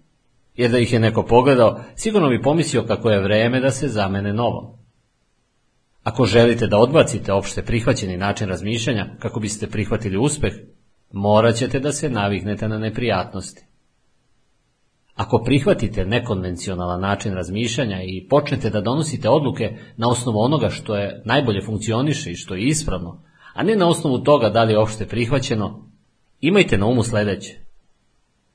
U mladosti niste grešili toliko koliko su ljudi mislili da jeste. U kasnijim godinama nećete biti toliko u pravu koliko će ljudi misliti da jeste. A tokom svih tih godina bit ćete bolji nego što ste očekivali. 9. Izvucite korist iz udruženog razmišljanja. Dobri mislioci, a posebno oni koji su i dobri lideri, razumeju moć udruženog razmišljanja. Znaju da će, ceneći misli i ideje drugih, dobiti zajednički rezultat udruženog razmišljanja i postići više nego što bi ikada mogli sami. Oni koji učestvuju u udruženom razmišljanju razumeju sledeće. Udruženo razmišljanje je brže od samostalnog razmišljanja. Živimo u svetu u kojem se sve odvija zaista brzim tempom i ne možemo sami da funkcionišemo u njegovoj trenutnoj brzini. Mislim da generacija mladih ljudi koje upravo započinju karijeru to snažno osjeća. Možda zato toliko cene zajednicu i veća je verovatnoća da će raditi za kompaniju koja im se dopada nego za onu koja im bolje plaća.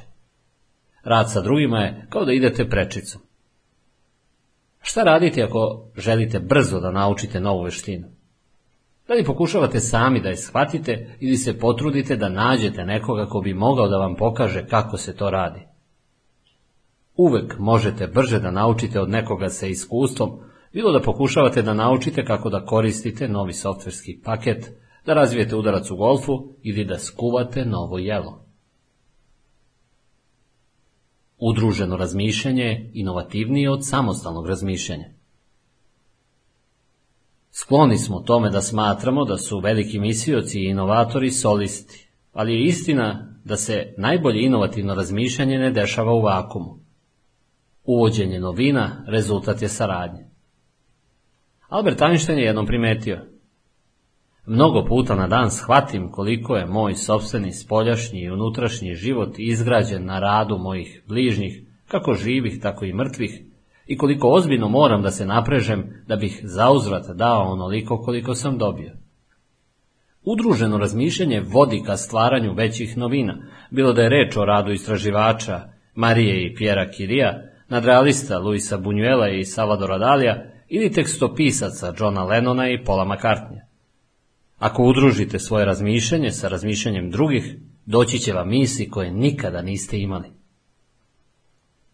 Udruženo razmišljanje je zrelije od samostalnog razmišljanja. Koliko god bismo voleli da znamo sve, Svako od nas je verovatno potpuno svestan svojih slabih tačaka i oblasti u kojima nemamo iskustvo. Kada sam tek počeo da služim kao pastor, imao sam snove i energiju, ali malo iskustva. Pokušao sam to da prevaziđem tako što sam nastojao da pronađem nekoliko cenjenih pastora iz crkava koje se razvijaju da podele svoje mišljenje sa mnom. Početkom 70. godina prošlog veka napisao sam deset pisama najuspešnijim pastorima u zemlji, nudeći im ono što je meni tada bila ogromna suma novca, 100 američkih dolara, da se upoznamo kako bih mogao sat vremena da im postavljam pitanje. Kako je koji od njih pristajao, ja bih ga posetio. Osim što bih postavio nekoliko pitanja, nisam mnogo pričao jer nisam došao da bih nekog impresionirao niti da bih zadovoljio svoj ego, već da bih učio. Slušao sam sve što bi mi rekli, pažljivo vodio beleške i upijao sve što sam mogao. Ta iskustva su mi promenila život. Vi ste doživjeli iskustva koja ja nisam doživeo, a ja sam doživeo iskustva koja vi niste. Spojite nas i iznećemo na sto širi opseg lične prošlosti, a samim tim i zrelosti. Ako nemate potrebno iskustvo, povežite se sa nekim koga ima. Udruženo razmišljanje je jače od pojedinačnog razmišljanja. Filozof i pesnik Johann Wolfgang von Goethe je rekao Prihvatiti dobar savjet nije ništa drugo do povećati sobstvene sposobnosti. Dve glave su bolje od jedne kada razmišljaju u istom pravcu. To je kao kada upregnete dva konja da povuku teretna kola. Zajedno mogu da povuku više nego što može bilo koji od njih sam. A da li ste znali da zajedno mogu da povuku više tereta nego što iznosi zbir tereta koje mogu da povuku pojedinačno? Sinergija potiče od zajedničkog rada. Ta ista vrsta sinergije stupa na scenu kada ljudi razmišljaju zajedno. Udruženo razmišljanje vas obogaćuje više nego samostalno razmišljanje. Očigledno je da udruženo razmišljanje donosi veću dobit jer je jače od pojedinačnog razmišljanja. To se dešava zbog složenog delovanja udruženog razmišljanja. Ono također nudi i druge prednosti. Dobitak na ličnom planu od udruženog razmišljanja i iskustava može da bude veliki. Govornik i motivator Clarence Francis sažao je sve te pogodnosti u sljedećem zapažanju. Iskreno verujem da je reč veza ključna za izvesnost postojanja pristojnog sveta. Dovoljno je jasno da je svaki problem u vašoj porodici, u poslu, u našoj državi ili celom svetu u biti stvar veza, odnosno međusobne zavisnosti. Udruženo razmišljanje je jedini način da dođete do velikih misli. Verujem da svaka velika ideja proističe iz tri ili četiri dobre ideje a većina dobrih ideja proističe iz udruženog razmišljanja. Dramski pisac Ben Johnson je rekao, onaj koji uči samo od sebe samog ima budalu za učitelja. Dok sam pohađao školu, učitelji su naglašavali da je važno biti ispravan i postizati bolje rezultate od drugih učenika. Redko su naglašavali koliko je važno da radimo zajedno kako bismo došli do dobrih odgovora. Ipak, kada se nečije mogućnosti razmišljanja iskoriste na najbolji način, svi odgovori se mogu poboljšati. Ako i vi i ja imamo po jednu misao, a zajedno imamo dve misli, onda uvek imamo potencijal za veliku misao. Kako postaći učestvovanje u udruženom razmišljanju? Nekim ljudima je prirodno da učestvuju u udruženom razmišljanju.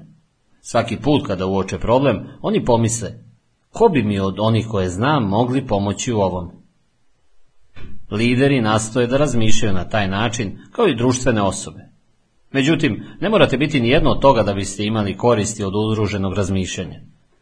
Primenite sljedeće korake kako biste poboljšali svoju sposobnost da iskoristite udruženo razmišljanje. 1. Cenite tuđe ideje. Prvo, Verujte da ideje drugih ljudi imaju vrednost. Ako ih ne budete cenili, ruke će vam biti vezane. Kako možete znati da li zaista želite nečiji savjet? Postavite sebi sljedeća pitanja. Da li sam emocionalno siguran? Ljudi kojima nedostaje samopouzdanje i koji brinu o svom statusu, položaju ili moći, skloni su da odbacuju ideje drugih, štite svoju teritoriju i drže druge na ostojanju. Da biste razmotrili tuđe zamisi, morate biti sigurni u sebe. Pre mnogo godina emocionalno nesigurna osoba zauzela je ključan položaj u mom upravnom odboru. Nakon nekoliko sastanaka ostalim članovima odbora postalo je očigledno da taj pojedinac neće dati pozitivan doprinos organizaciji. Pitao sam iskusnog rukovodioca iz odbora zašto ta osoba uvek radi i govori ono što koči naš napredak. Nikada neću zaboraviti njegov odgovor. Povređeni ljudi povređuju ljude. Da li smatram ljude vrednima? Nećete ceniti ideje neke osobe ukoliko ne cenite i ne poštujete samu osobu. Da li ste ikada uporedili svoje ponašanje prema ljudima koje cenite s ponašanjem prema onima koje ne cenite? Poslušajte razliku. Ako nekog cenim, želim da provodim vreme s njim. Ako ga ne cenim, ne želim da budem u njegovoj blizini. Ako ga cenim, slušam ga. Ako ga ne cenim, zanemarujem ga. Ako nekoga cenim, želim da mu pomognem. A ako ne, ne nudim mu pomoć. Ako nekog cenim, on utiče na mene. Ako nekog ne cenim, ignorišem ga. Ako nekog cenim, poštujem ga. A ako nekog ne cenim, ravnodušan sam. Da li cenim interaktivni proces? Kao rezultat udruženog razmišljanja često se javlja čudesna sinergija. Može vas odvesti na mesta na kojima nikada niste bili. Izdavač Malcolm Forbes tvrdio je, slušanjem saveta često postižemo mnogo više nego njihovom primjenom. Moram reći da nisam oduvek cenio udruženo razmišljanje. Godinama sam bio sklon povlačenju kada bih želeo da razvijam ideje. Nerado sam s drugima razrađivao zamise. Kada me je jedan kolega izazvao u vezi sa tim, počeo sam da analiziram razloge svog oklevanja. Shvatio sam da je povezano sa jednim iskustvom s fakulteta. Ponekad bih na predavanjima primetio da profesor nije spreman i tada bi tražio da mu iznesemo svoja laička mišljenja na neku temu. U većini slučajeva mi se činilo da mišljenja ostalih nisu bolje od mojih. A ja sam na nastavu dolazio da bih naučio nešto od profesora. Shvatio sam da problem nije u procesu razmjene ideja, već u onome ko ih izlaže. Udruženo razmišljanje je dobro onoliko koliko su dobri ljudi koji su u njega uključeni. Otkako sam naučio tu lekciju, prihvatio sam interaktivni proces i sada verujem da je to jedna od mojih snaga. Ipak, uvek razmišljam o tome koga ću dovesti na sastanke udruženog razmišljanja. Kasnije u ovom poglavlju otkriću vam čime se rukovodim kada odlučujem koga da pozovem na te sastanke. Morate se otvoriti prema ideji deljenja ideja pre nego što se uključite u proces udruženog razmišljanja. 2. Pređite sa nadmetanja na saradnju. Jeffrey J. Fox u svojoj knjizi How to Become CEO kaže Uvek budite u potrazi za idejama. Pritom, budite potpuno otvoreni prema izvoru ideja. Prihvatajte ideje od klijenata, dece, konkurenata, drugih branši ili taksista. Nije bitno ko je smislio ideju. Čovek koji ceni saradnju želi da dovrši ideje drugih ljudi, a ne da se takmiči sa njima. Ako vas neko zamoli da podelite ideje, usredsredite se na pomaganje timu, a ne na lični napredak. Ako ste pak vi taj koji spaja ljude kako bi delili svoje misli, hvalite ideju više nego njen izvor. Kada bi uvek pobeđivala najbolja ideja, a ne onaj koji je izložio, tada bi svi sa više poleta delili svoja razmišljanja. 3. Spremite podsjetnik kada idete na sastanke. Uživam da provodim vreme sa određenim ljudima, bilo da razmatramo ideje ili ne. To su moja žena Margaret, moja deca, moji unuci i moji roditelji. Iako često diskutujemo o idejama, ne smeta mi ako to ne radimo, jer smo mi porodica. Međutim, kad provodim vreme sa svim ostalim ljudima, imam dnevni red. Znam šta želim da postignem. Što više poštujem mudrost neke osobe, više je slušam. Na primjer, kada se sastanem sa nekim koga podučavam, pustim ga da postavlja pitanja, ali očekujem da ću uglavnom ja pričati. Kada se nađem sa nekim ko mene podučava, uglavnom držim jezik za zubima. U ostalim vezama, odnos uzimanja i davanja je ravnomerniji. Ali bez obzira na to s kime se sastajem, uvek imam razlog za okupljanje i očekivanje, šta ću od njega dati i dobiti. To važi kako za posao, tako i za zadovoljstvo. 4. Okupite prave ljude u sali za sastanke. Kako biste dobili nešto vredno od udruženog načina razmišljanja, morate oko sebe imati ljude koji će pružiti nešto korisno. Dok se pripremate da pozovete ljude na udruženo razmišljanje, koristite sledeće kriterijume u procesu odabira. Izaberite ljude čija je najveća želja da neka ideja uspe. Ljude koji mogu doprineti tuđim mislima. Ljude koji emocionalno mogu da se nose sa brzim promjenama u razgovoru. Ljude koji cene prednosti drugih u oblastima u kojima su sami slabi. Ljude koji razumeju svoje mesto za stolom. Ljude koji postavljaju ono što je najbolje za tim ispred sobstvenih interesa. Ljude koji mogu da postaknu najbolje razmišljanje kod onih koji ih okružuju. Ljude koji posjeduju zrelost, iskustvo i uspeh u oblastima o kojima se diskutuje. Ljude koji će preuzeti odgovornost za odluke ne odričući ih se. Ljude koji će od stola ustati sa stavom mi, a ne ja. Previše često biramo partnere za brainstorming na osnovu prijateljskih osjećanja, okolnosti ili iz praktičnih razloga. Ali to nam ne pomaže da otkrijemo i stvorimo izvaredne ideje. Veoma je bitno koga pozivamo za okrugli stol. 6. Dobro nagradite dobre mislioce i saradnike. Uspešne organizacije praktikuju udruženo razmišljanje. Ako vodite organizaciju, odeljenje ili tim, ne možete dozvoliti sebi da budete bez ljudi vičnih udruženom razmišljanju. Kada budete zapošljavali nove ljude, tražite one koji znaju da razmišljaju i cene druge, imaju iskustva u saradnji i emocionalno su stabilni. Zatim im dobro platite i postičite ih da često koriste svoje umeće razmišljanja i dele svoje ideje. Ništa ne pruža veći doprinos nego puno dobrih misilaca koji su udružili svoja umeća. Bez obzira na to šta pokušavate da postignete, udruženo razmišljanje vam može pomoći da to bolje obavite.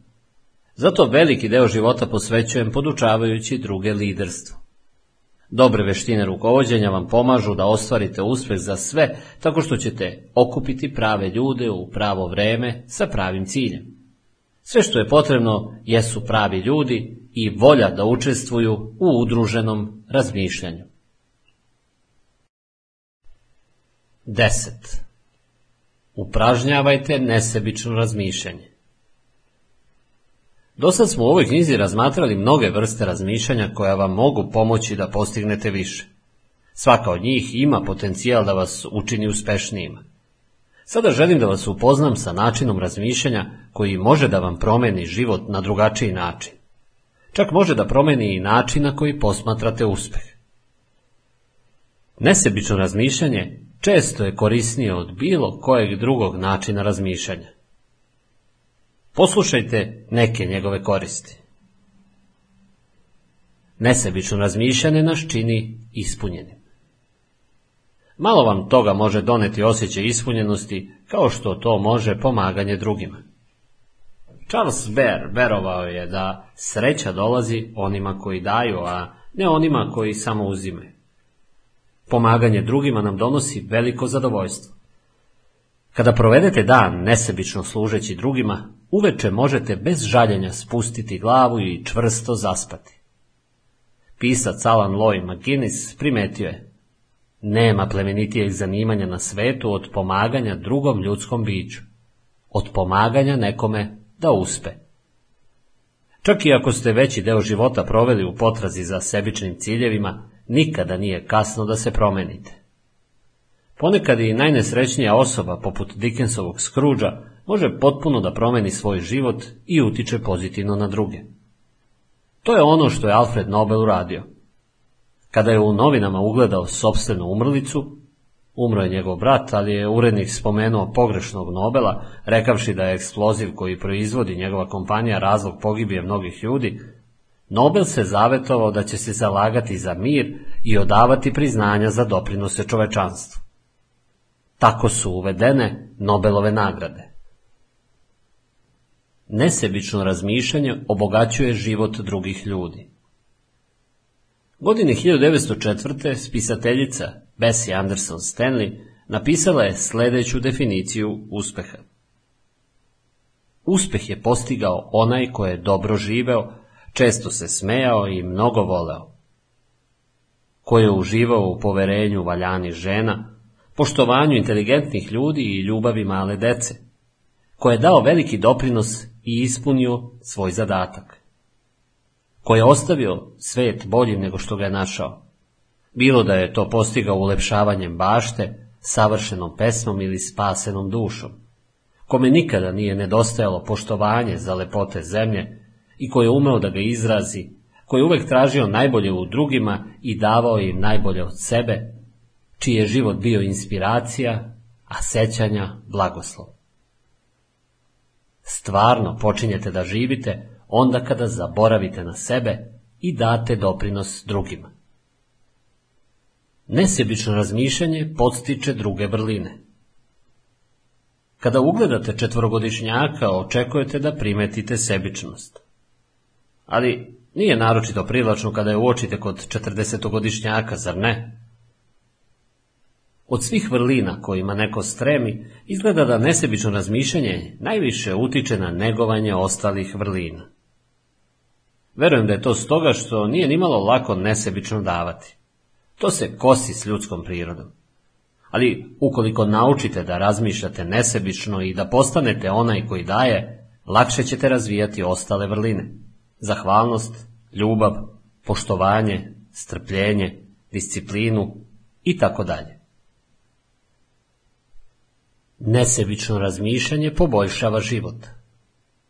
Duh velikodušnosti proistekao iz nesebičnog razmišljanja uliva ljudima poštovanje prema životu i razumevanje njegovih viših vrednosti. Sposobnost da vidimo da je nekome potrebna pomoć i da mu je pružimo kako bismo zadovoljili njihove potrebe, omogućava nam da uvidimo mnoge druge važne stvari. Na taj način se poboljšava život onoga koji daje, ali isto tako i onoga koji prima. Zato verujem da ni jedan život nije toliko prazan kao život samožive osobe. Nijedan život nije uravnotežen kao život koji daje od sebe. Ako želite da poboljšate svoj svet, usmerite pažnju na pomaganje drugima. Nesebičnim razmišljanjem postajete deo nečeg većeg od vas samih. U globalnoj farmaceutskoj kompaniji Merck Company uvek su smatrali da rade mnogo više od proizvodnje robe i stvaranja profita. Oni žele da služe čovečanstvu. Sredinom 80. godina prošlog veka kompanija je razvila lek za rečno slepilo, infekciju koja izaziva slepilo miliona ljudi, posebno u zemljama u razvoju. Iako je proizvod bio dobar, potencijalni kupci nisu mogli sebi da priušte da ga kupe. Šta je kompanija Merck uradila? Kako je lek već bio napravljen, 1987. godine objavili su da će ga davati besplatno svima onima kojima je potreban. Do 1998. godine kompanija je podelila više od 250 miliona tableta. George Merck kaže, trudimo se da nikada ne zaboravimo da su lekovi za ljude. Oni nisu za sticanje profita. Profit će uslediti, iako imamo to na umu, nikada neće prestati da dolazi. Šta možemo da naučimo iz ovoga? Nešto veoma jednostavno. Umesto da težite tome da budete uspešni, budite deo nečeg većeg od samih sebe. Nesebično razmišljanje stvara za ostavštinu. Jack Balusek, predsednik i operativni direktor jedne uspešne kompanije, kaže Učite, zaradite, vratite. Ovo su tri životne fraze. Prvu trećinu bi trebalo posvetiti obrazovanju, drugu trećinu izgradnji karijere i zarađivanju za život, a poslednju trećinu vraćanju drugima, odnosno uzvraćanju u znak zahvalnosti. Svaka faza je u stvari priprema za sledeću. Ako ste uspešni, imate mogućnost da ostavite nasledstvo za druge. Ali ako želite da uradite više, da stvorite zaostavštinu, onda to treba da ostavite u drugima. Kada razmišljate nesebično i ulažete u druge, dobijate priliku da stvorite zaveštanje koje će vas nadživeti. Kako da iskusite zadovoljstvo nesebičnog razmišljanja? Mislim da većina ljudi prepoznaje vrednost nesebičnog razmišljanja, a isto tako bi se složili i da je to sposobnost koju bi želeli da razviju. Međutim, mnogi nisu sigurni kako da promene svoj način razmišljanja. Da biste počeli da negujete sposobnost nesebičnog razmišljanja, savjetujem vam da uradite sledeće. 1. Stavljajte druge ispred sebe. Ovaj proces započinje shvatanjem da se ne vrti sve oko vas. To zahteva skromnost i promenu fokusa. Pisci Ken Blanchard i Norman Vincent Peale kažu Ponizni ljudi ne misle loše o sebi, oni samo manje misle o sebi. Ako želite da postanete manje sebični u svom razmišljanju, morate prestati da razmišljate o svojim željama i početi da se usredsređujete na tuđe potrebe. Apostol Pavle je opomenuo, ništa ne činite iz prkosa niti za praznu slavu, nego smirenjem smatrajte jedan drugoga većim od sebe. Ne starajte se svako za svoje, nego svako i za ono što je drugih. Posvetite se umno i emocionalno obraćanju pažnje na interese drugih. 2. Budite među ljudima kojima je potrebna pomoć. Jedno je verovati da ste voljni da dajete nesebično, a nešto sasvim drugo to i činiti. Kako biste napravili prelaz s jednog na drugo, morate se naći u okolnostima u kojima možete da vidite potrebe ljudi i uradite nešto povodom toga. Na početku nije bitno na koji način dajete. Možete da služite u crkvi, donirate hranu narodnim kuhinjama, volontirate u pružanju stručnih usluga ili date prilog humanitarnoj organizaciji. Poenta je u tome da naučite kako da dajete i da negujete naviku da razmišljate kao neko ko daje. 3. Kada dajete, činite to neupadljivo ili anonimno. Kada budete naučili kako da nesebično dajete, sljedeći korak je da naučite da dajete kada ne možete ništa da primite za uzvrat. Mnogo je lakše dati kada za to dobijate priznanje, nego kada verovatno niko neće saznati ništa o tome.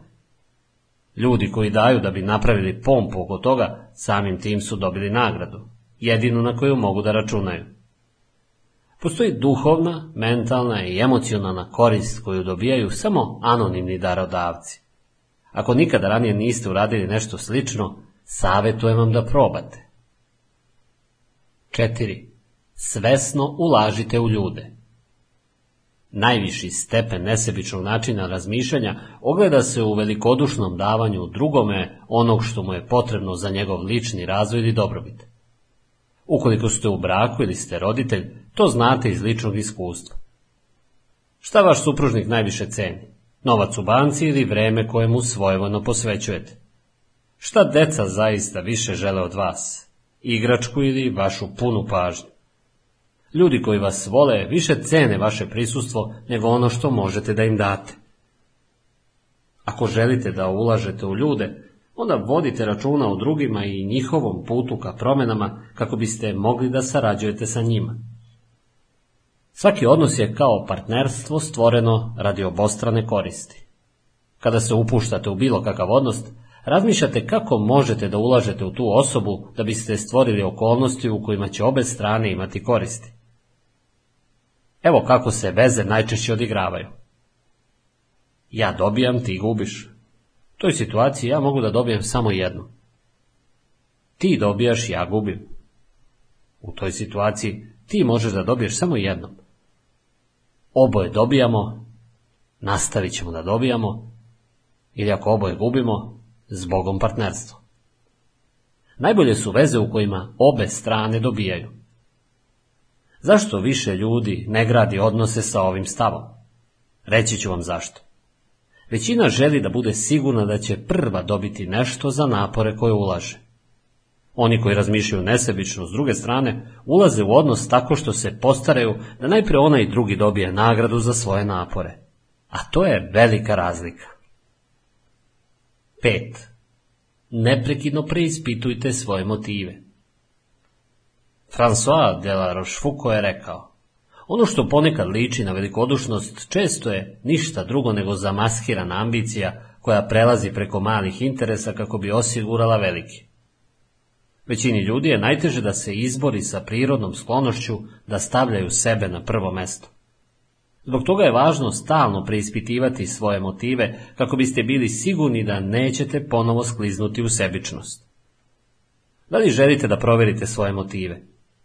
Onda sledite primjer Benjamina Franklina. On je svakoga dana sebi postavljao dva pitanja. Ujutru, pošto bi ustao, pitao se šta ću dobro da učinim danas, a pre odlaska u krevet bi se pitao šta sam dobro danas uradio.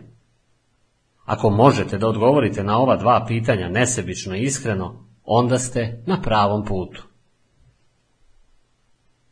11. Oslonite se na suštinsko razmišljanje. Kako shvatate suštinu kada je u pitanju vaša organizacija, posao, sektor, tim ili grupa? Za mnoga preduzeća suština je njihov saldo. Profit određuje da li ste uspešni. Ali dolari ne bi trebalo uvek da budu merilo uspeha. Da li merite krajnji uspeh svoje porodice prema tome koliko novca imate na kraju meseca ili godine? U slučaju da vodite neprofitnu ili volontersku organizaciju, kako znate da li posao obavljate sa svojim najvećim potencijalom? Kako promišljate o suštini u takvoj situaciji? Suština neprofitne organizacije Frances Hesselbein morala je sebi da postavi baš to pitanje 1976. godine, kada je postala nacionalni izvršni direktor neprofitne organizacije Girl Scouts of America.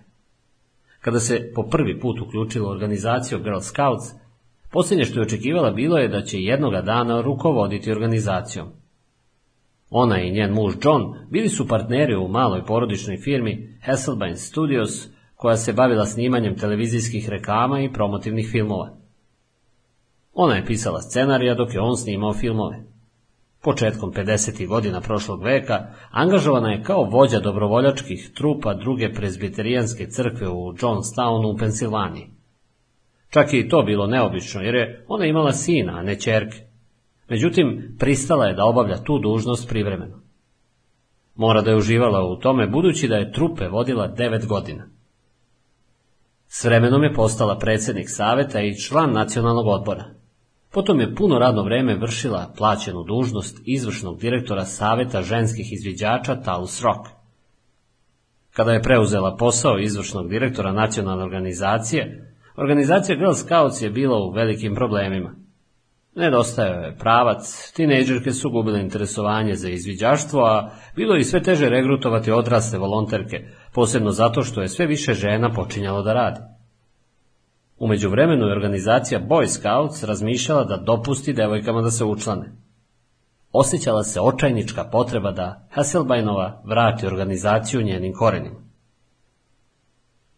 Stalno smo postavljali sebi vrlo jednostavna pitanja, kaže ona. Šta je naš posao? Ko je naš klijent? I šta klijent smatra vrednošću? Bilo da ste organizacija Girl Scouts, kompanija IBM ili ITNT, morate da upravljate misijom. Usredsređenost Francis Hasselbein na misiju omogućila je da identifikuje suštinu organizacije Girl Scouts. Mi smo ovde samo iz jednog razloga, da pomognemo devojkama da dostignu svoj najveći potencijal. To je delovalo više od bilo čega drugog. Jer kada sa sigurnošću znate šta je vaša misija, korporativni i operativni ciljevi proizlaze iz nje. Čim je shvatila suštinu, uspjela je da stvori strategiju pomoću koje je pokušala da je postigne. Započela je reorganizacijom osoblja. Zatim je kreirala sistem planiranja koji će koristiti svaki od 350 regionalnih saveta. U organizaciju je uvela i obuku za upravljanje. Heselbajnova se nije ograničavala samo na promjene u rukovodstvu i organizaciji. 60. i 70. godina prošlog veka država se promenila kao i devojke, ali se organizacija Girl Scouts nije promenila. Heselbanova je i sa tim problemom izašla na kraj. Organizacija je svoje aktivnosti prilagodila aktualnoj kulturi, pružajući, na primjer, veće mogućnosti korišćenja računara, umjesto da kao domaćin organizuju zabave. Također je tražila da manjine više učestvuju, kreirala je dvojezične materijale i pomagala domaćinstvima sa niskim prihodima. Jer ako je suština organizacije pomoć devojkama u postizanju njihovog najvećeg potencijala, zašto onda ne bi imala agresivniji pristup u pomaganju onim devojkama koje tradicionalno imaju manje mogućnosti? Strategija je delovala odlično. Učešće manjina u izveđačoj organizaciji Girl Scouts se utrostručilo. Frances Hasselbein je napustila Girl Scouts 1990. godine nakon što je od nje napravila prvoklasnu organizaciju. Postala je osnivački predsjednik i generalni direktor fondacije Peter Drucker za menadžment u neprofitnim organizacijama.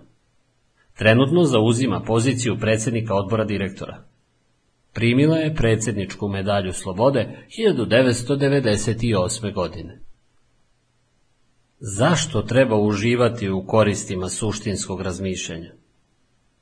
Ako ste navikli da o krajnjem rezultatu razmišljate samo kao o financijskom pitanju, onda vam možda nedostaju neke stvari koje su ključne za vas i vašu organizaciju. Pokušajte da razmišljate o njemu kao o ishodu, glavnoj tački, željenom rezultatu. Svaka aktivnost ima svoju jedinstvenu suštinu. Ako imate posao, vaš rad ima željeni rezultat. Ako služite u vašoj crkvi, vaša aktivnost ima suštinu. Isto važi i za vaš trud kao roditelja ili supružnika, ako ste jedno od toga. Dok istražujete koncept suštinskog razmišljanja, uverite se da vam ono može pomoći na mnogo načina. 1. Suštinsko razmišljanje vam daje jasan uvid. U čemu je razlika između kuglanja i posla? Kada se kuglate, potrebno vam je samo 3 sekunde da znate kakav vam je rezultat. To je jedan od razloga što ljudi toliko vole sport. Nema čekanja i nagađanja u krajnjem rezultatu. Suštinsko razmišljanje vam omogućava da odmerite rezultate brže i lakše. Daje vam merilo prema kome određujete uspešnost aktivnosti. Može se koristiti kao usmereni način da se uverite da su sve vaše male aktivnosti svrsishodne i usklađene za postizanje većeg cilja. 2. Suštinsko razmišljanje vam pomaže da procenite svaku situaciju. Kada znate šta za vas predstavlja željeni rezultat, tada vam postoje mnogo lakše da uvidite kako stojite na bilo kom polju. Na primjer, kada je Frances Hasselbein počela da vodi izviđačku organizaciju Girl Scouts, procenila je okolnosti na osnovu krajnjeg cilja organizacije, a to je pomaganje devojkama da ostvare svoj najveći potencijal. Procenu je radila počevši od strukture rukovodstva organizacije, koju je reorganizovala tako da više nije bilo vertikalne hijerarhije, već hubova povezanih sa centralizovanom upravom, pa sve do toga koje značke devojke mogu da zasluže. Ne postoji bolje merilo od željenog rezultata. 3. Suštinsko razmišljanje vam pomaže da donesete najbolje odluke. Donošenje odluka postaje mnogo lakše kada odredite željeni rezultat. 70. godina prošlog veka, kada je organizacija Girl Scouts bila u velikim problemima, spoljne organizacije su pokušale da ih ubede da njihove članice postanu aktivistkinje za borbu za ženska prava ili agitatorke koje idu od vrata do vrata. Međutim, pod rukovodstvom Frances Hasselbein, organizaciji Girl Scouts nije bilo teško da odbije te predloge. Organizacija je znala svoj krajnji cilj i žar koje je želela da ga dostigne sa velikom usredsređenošću. 4. Suštinsko razmišljanje podiže moral. Kada spoznate krajnji cilj i sledite ga, u mnogome povećavate izglede za uspeh, a ništa ne podiže moral kao pobede. Kako biste opisali sportske ekipe koje su osvojile šampionat, sektor kompanije koji je postigao svoje ciljeve ili dobrovoljce koji su obavili svoju misiju? Oni su uzbuđeni. Pogađanje mete izaziva ushićenost. A to možete da uradite samo ukoliko tačno znate šta je meta. 5. Suštinsko razmišljanje osigurava vašu budućnost. Ako želite da budete uspešni sutra, morate početi suštinski da razmišljate danas. To je ono što je Frances Hasselbein uradila i potpuno promenila organizaciju Girl Scouts nabolje. Ako pogledate bilo koju uspešnu kompaniju koja postoji dugi niz godina, uvidjet ćete da one imaju rukovodioce koji znaju šta im je krajnji cilj. Oni donose odluke, raspoređuju svoje resurse, unajmljuju radnu snagu i strukturišu svoju organizaciju kako bi postigli taj željeni rezultat. Kako uživati u koristima suštinskog razmišljanja? Nije teško uvideti vrednost suštinskog razmišljanja. Većina ljudi bi se složila da je suštinsko razmišljanje veoma korisno. Ali kako da naučite suštinski da razmišljate, može predstavljati izazov. Da biste to uradili, potrebno je da odredite pravu suštinu. Proces suštinskog razmišljanja započinje sa znanjem o tome šta stvarno želite da postignete. To može biti neki uzvišeni cilj, kao što je vizija u širem kontekstu, misija ili svrha neke organizacije. Ili se možete usredsrediti na ono što želite da postignete na određenom projektu. Ono što je bitno jeste da morate biti što konkretniji. Ako je vaš cilj nešto neodređeno kao što je uspeh, imat ćete velike poteškoće da upregnete suštinsko razmišljanje kako biste to postigli. Prvi korak je da ostavite svoje želje po strani. Dođite do rezultata za kojim zaista tragate, do prave suštine cilja. Odvojite sve emocije koje vam mogu zamagliti rasuđivanje i ostranite sve politike koje mogu da utiču na vaše zapažanje. Šta zaista pokušavate da postignete? Kada se oslobodite svih stvari koje nisu zaista važne, šta žarko želite da postignete? Šta mora da se desi? Šta je prihvatljivo? To je prava suština. Neka krajnji cilj bude suština. Da li ste nekada razgovarali sa nekim čije su vam se namere činile drugačijim od onoga što ta osoba govori? Ponekad vam okolnosti otkriju svesnu obmanu, ali to isto tako može da se desi kada vaš sagovornik ne zna šta mu je krajnji cilj. Isto važi i za kompanije. Naprimjer, ponekad se idealistički izložena misija i stvarni krajnji cilj zaista ne slažu. Svrha i profit se nadmeću. Ranije u knjizi citirao sam Georgia Merka koji je izjavio Trudimo se da nikada ne zaboravimo da su lekovi za ljude. Oni nisu za sticanje profita. Profit će uslediti i ako imamo to na umu, nikada neće prestati da dolazi. Verovatno je to izjavio kako bi podsjetio ljude u svojoj kompaniji da profit služi svrsi, ne nadmeće se s njom.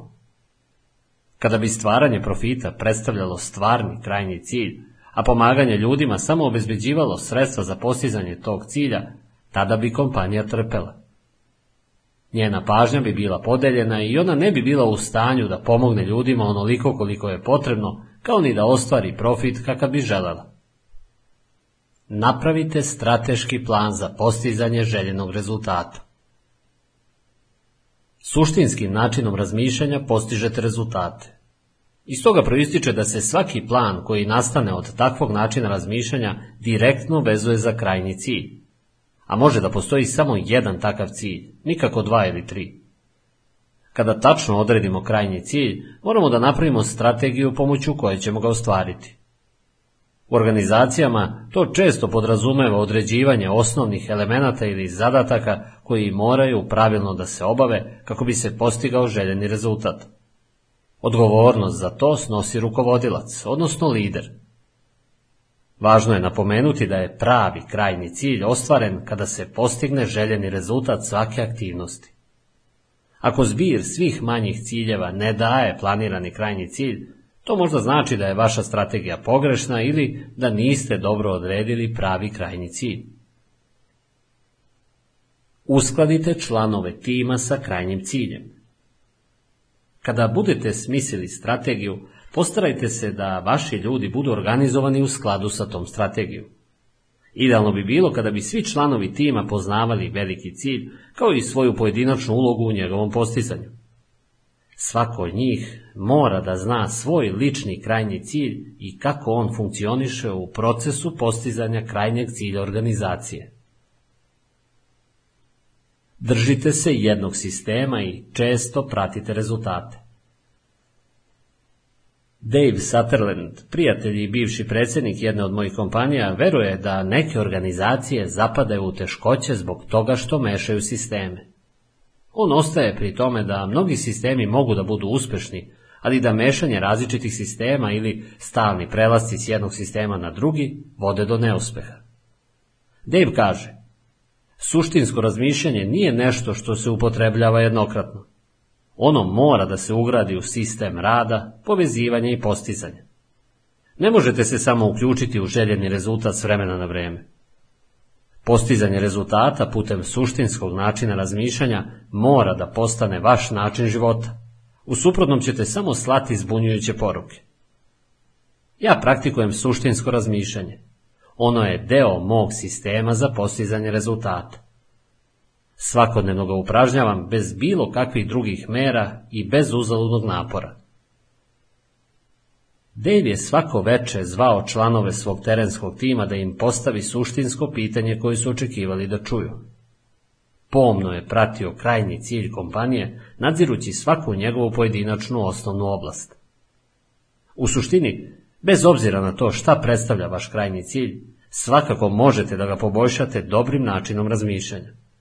A suštinsko razmišljanje veoma je korisno, jer vam pomaže da svoje ideje pretvorite u rezultate.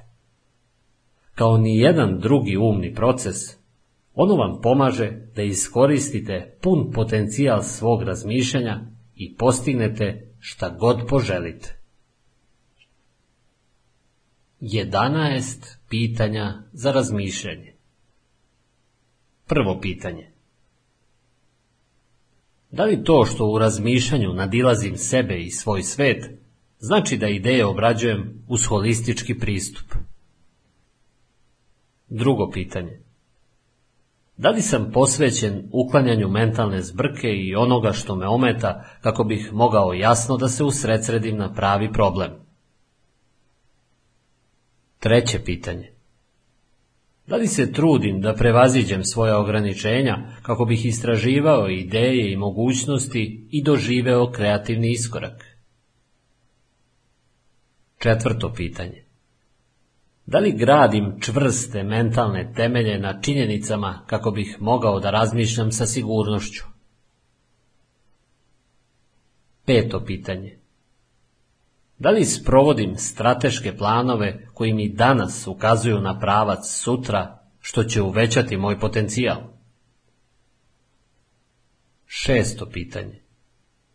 Da li oslobađam polet razmišljanja o mogućnostima kako bih pronašao rešenja za situacije koje se čine nemogućim? Sedmo pitanje.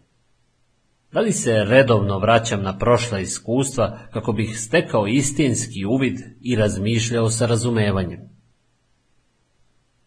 Osmo pitanje. Da li svesno odbacujem ograničenja uopštenog načina razmišljanja kako bih postigao neuobičajene rezultate? Deveto pitanje. Da li dosledno uključujem druge ljude u razmišljanje o pitanjima koja su previše teška za jednu glavu kako bismo postigli zajedničke rezultate? Deseto pitanje. Da li neprekidno vodim računa o drugima i njihovom putu ka promenama kako bi moje razmišljanje bilo što angažovanije? 11. pitanje. Da li sam usredsređen na krajnji cilj kako bih izvukao maksimalnu dobit i iskoristio pun potencijal svog razmišljanja?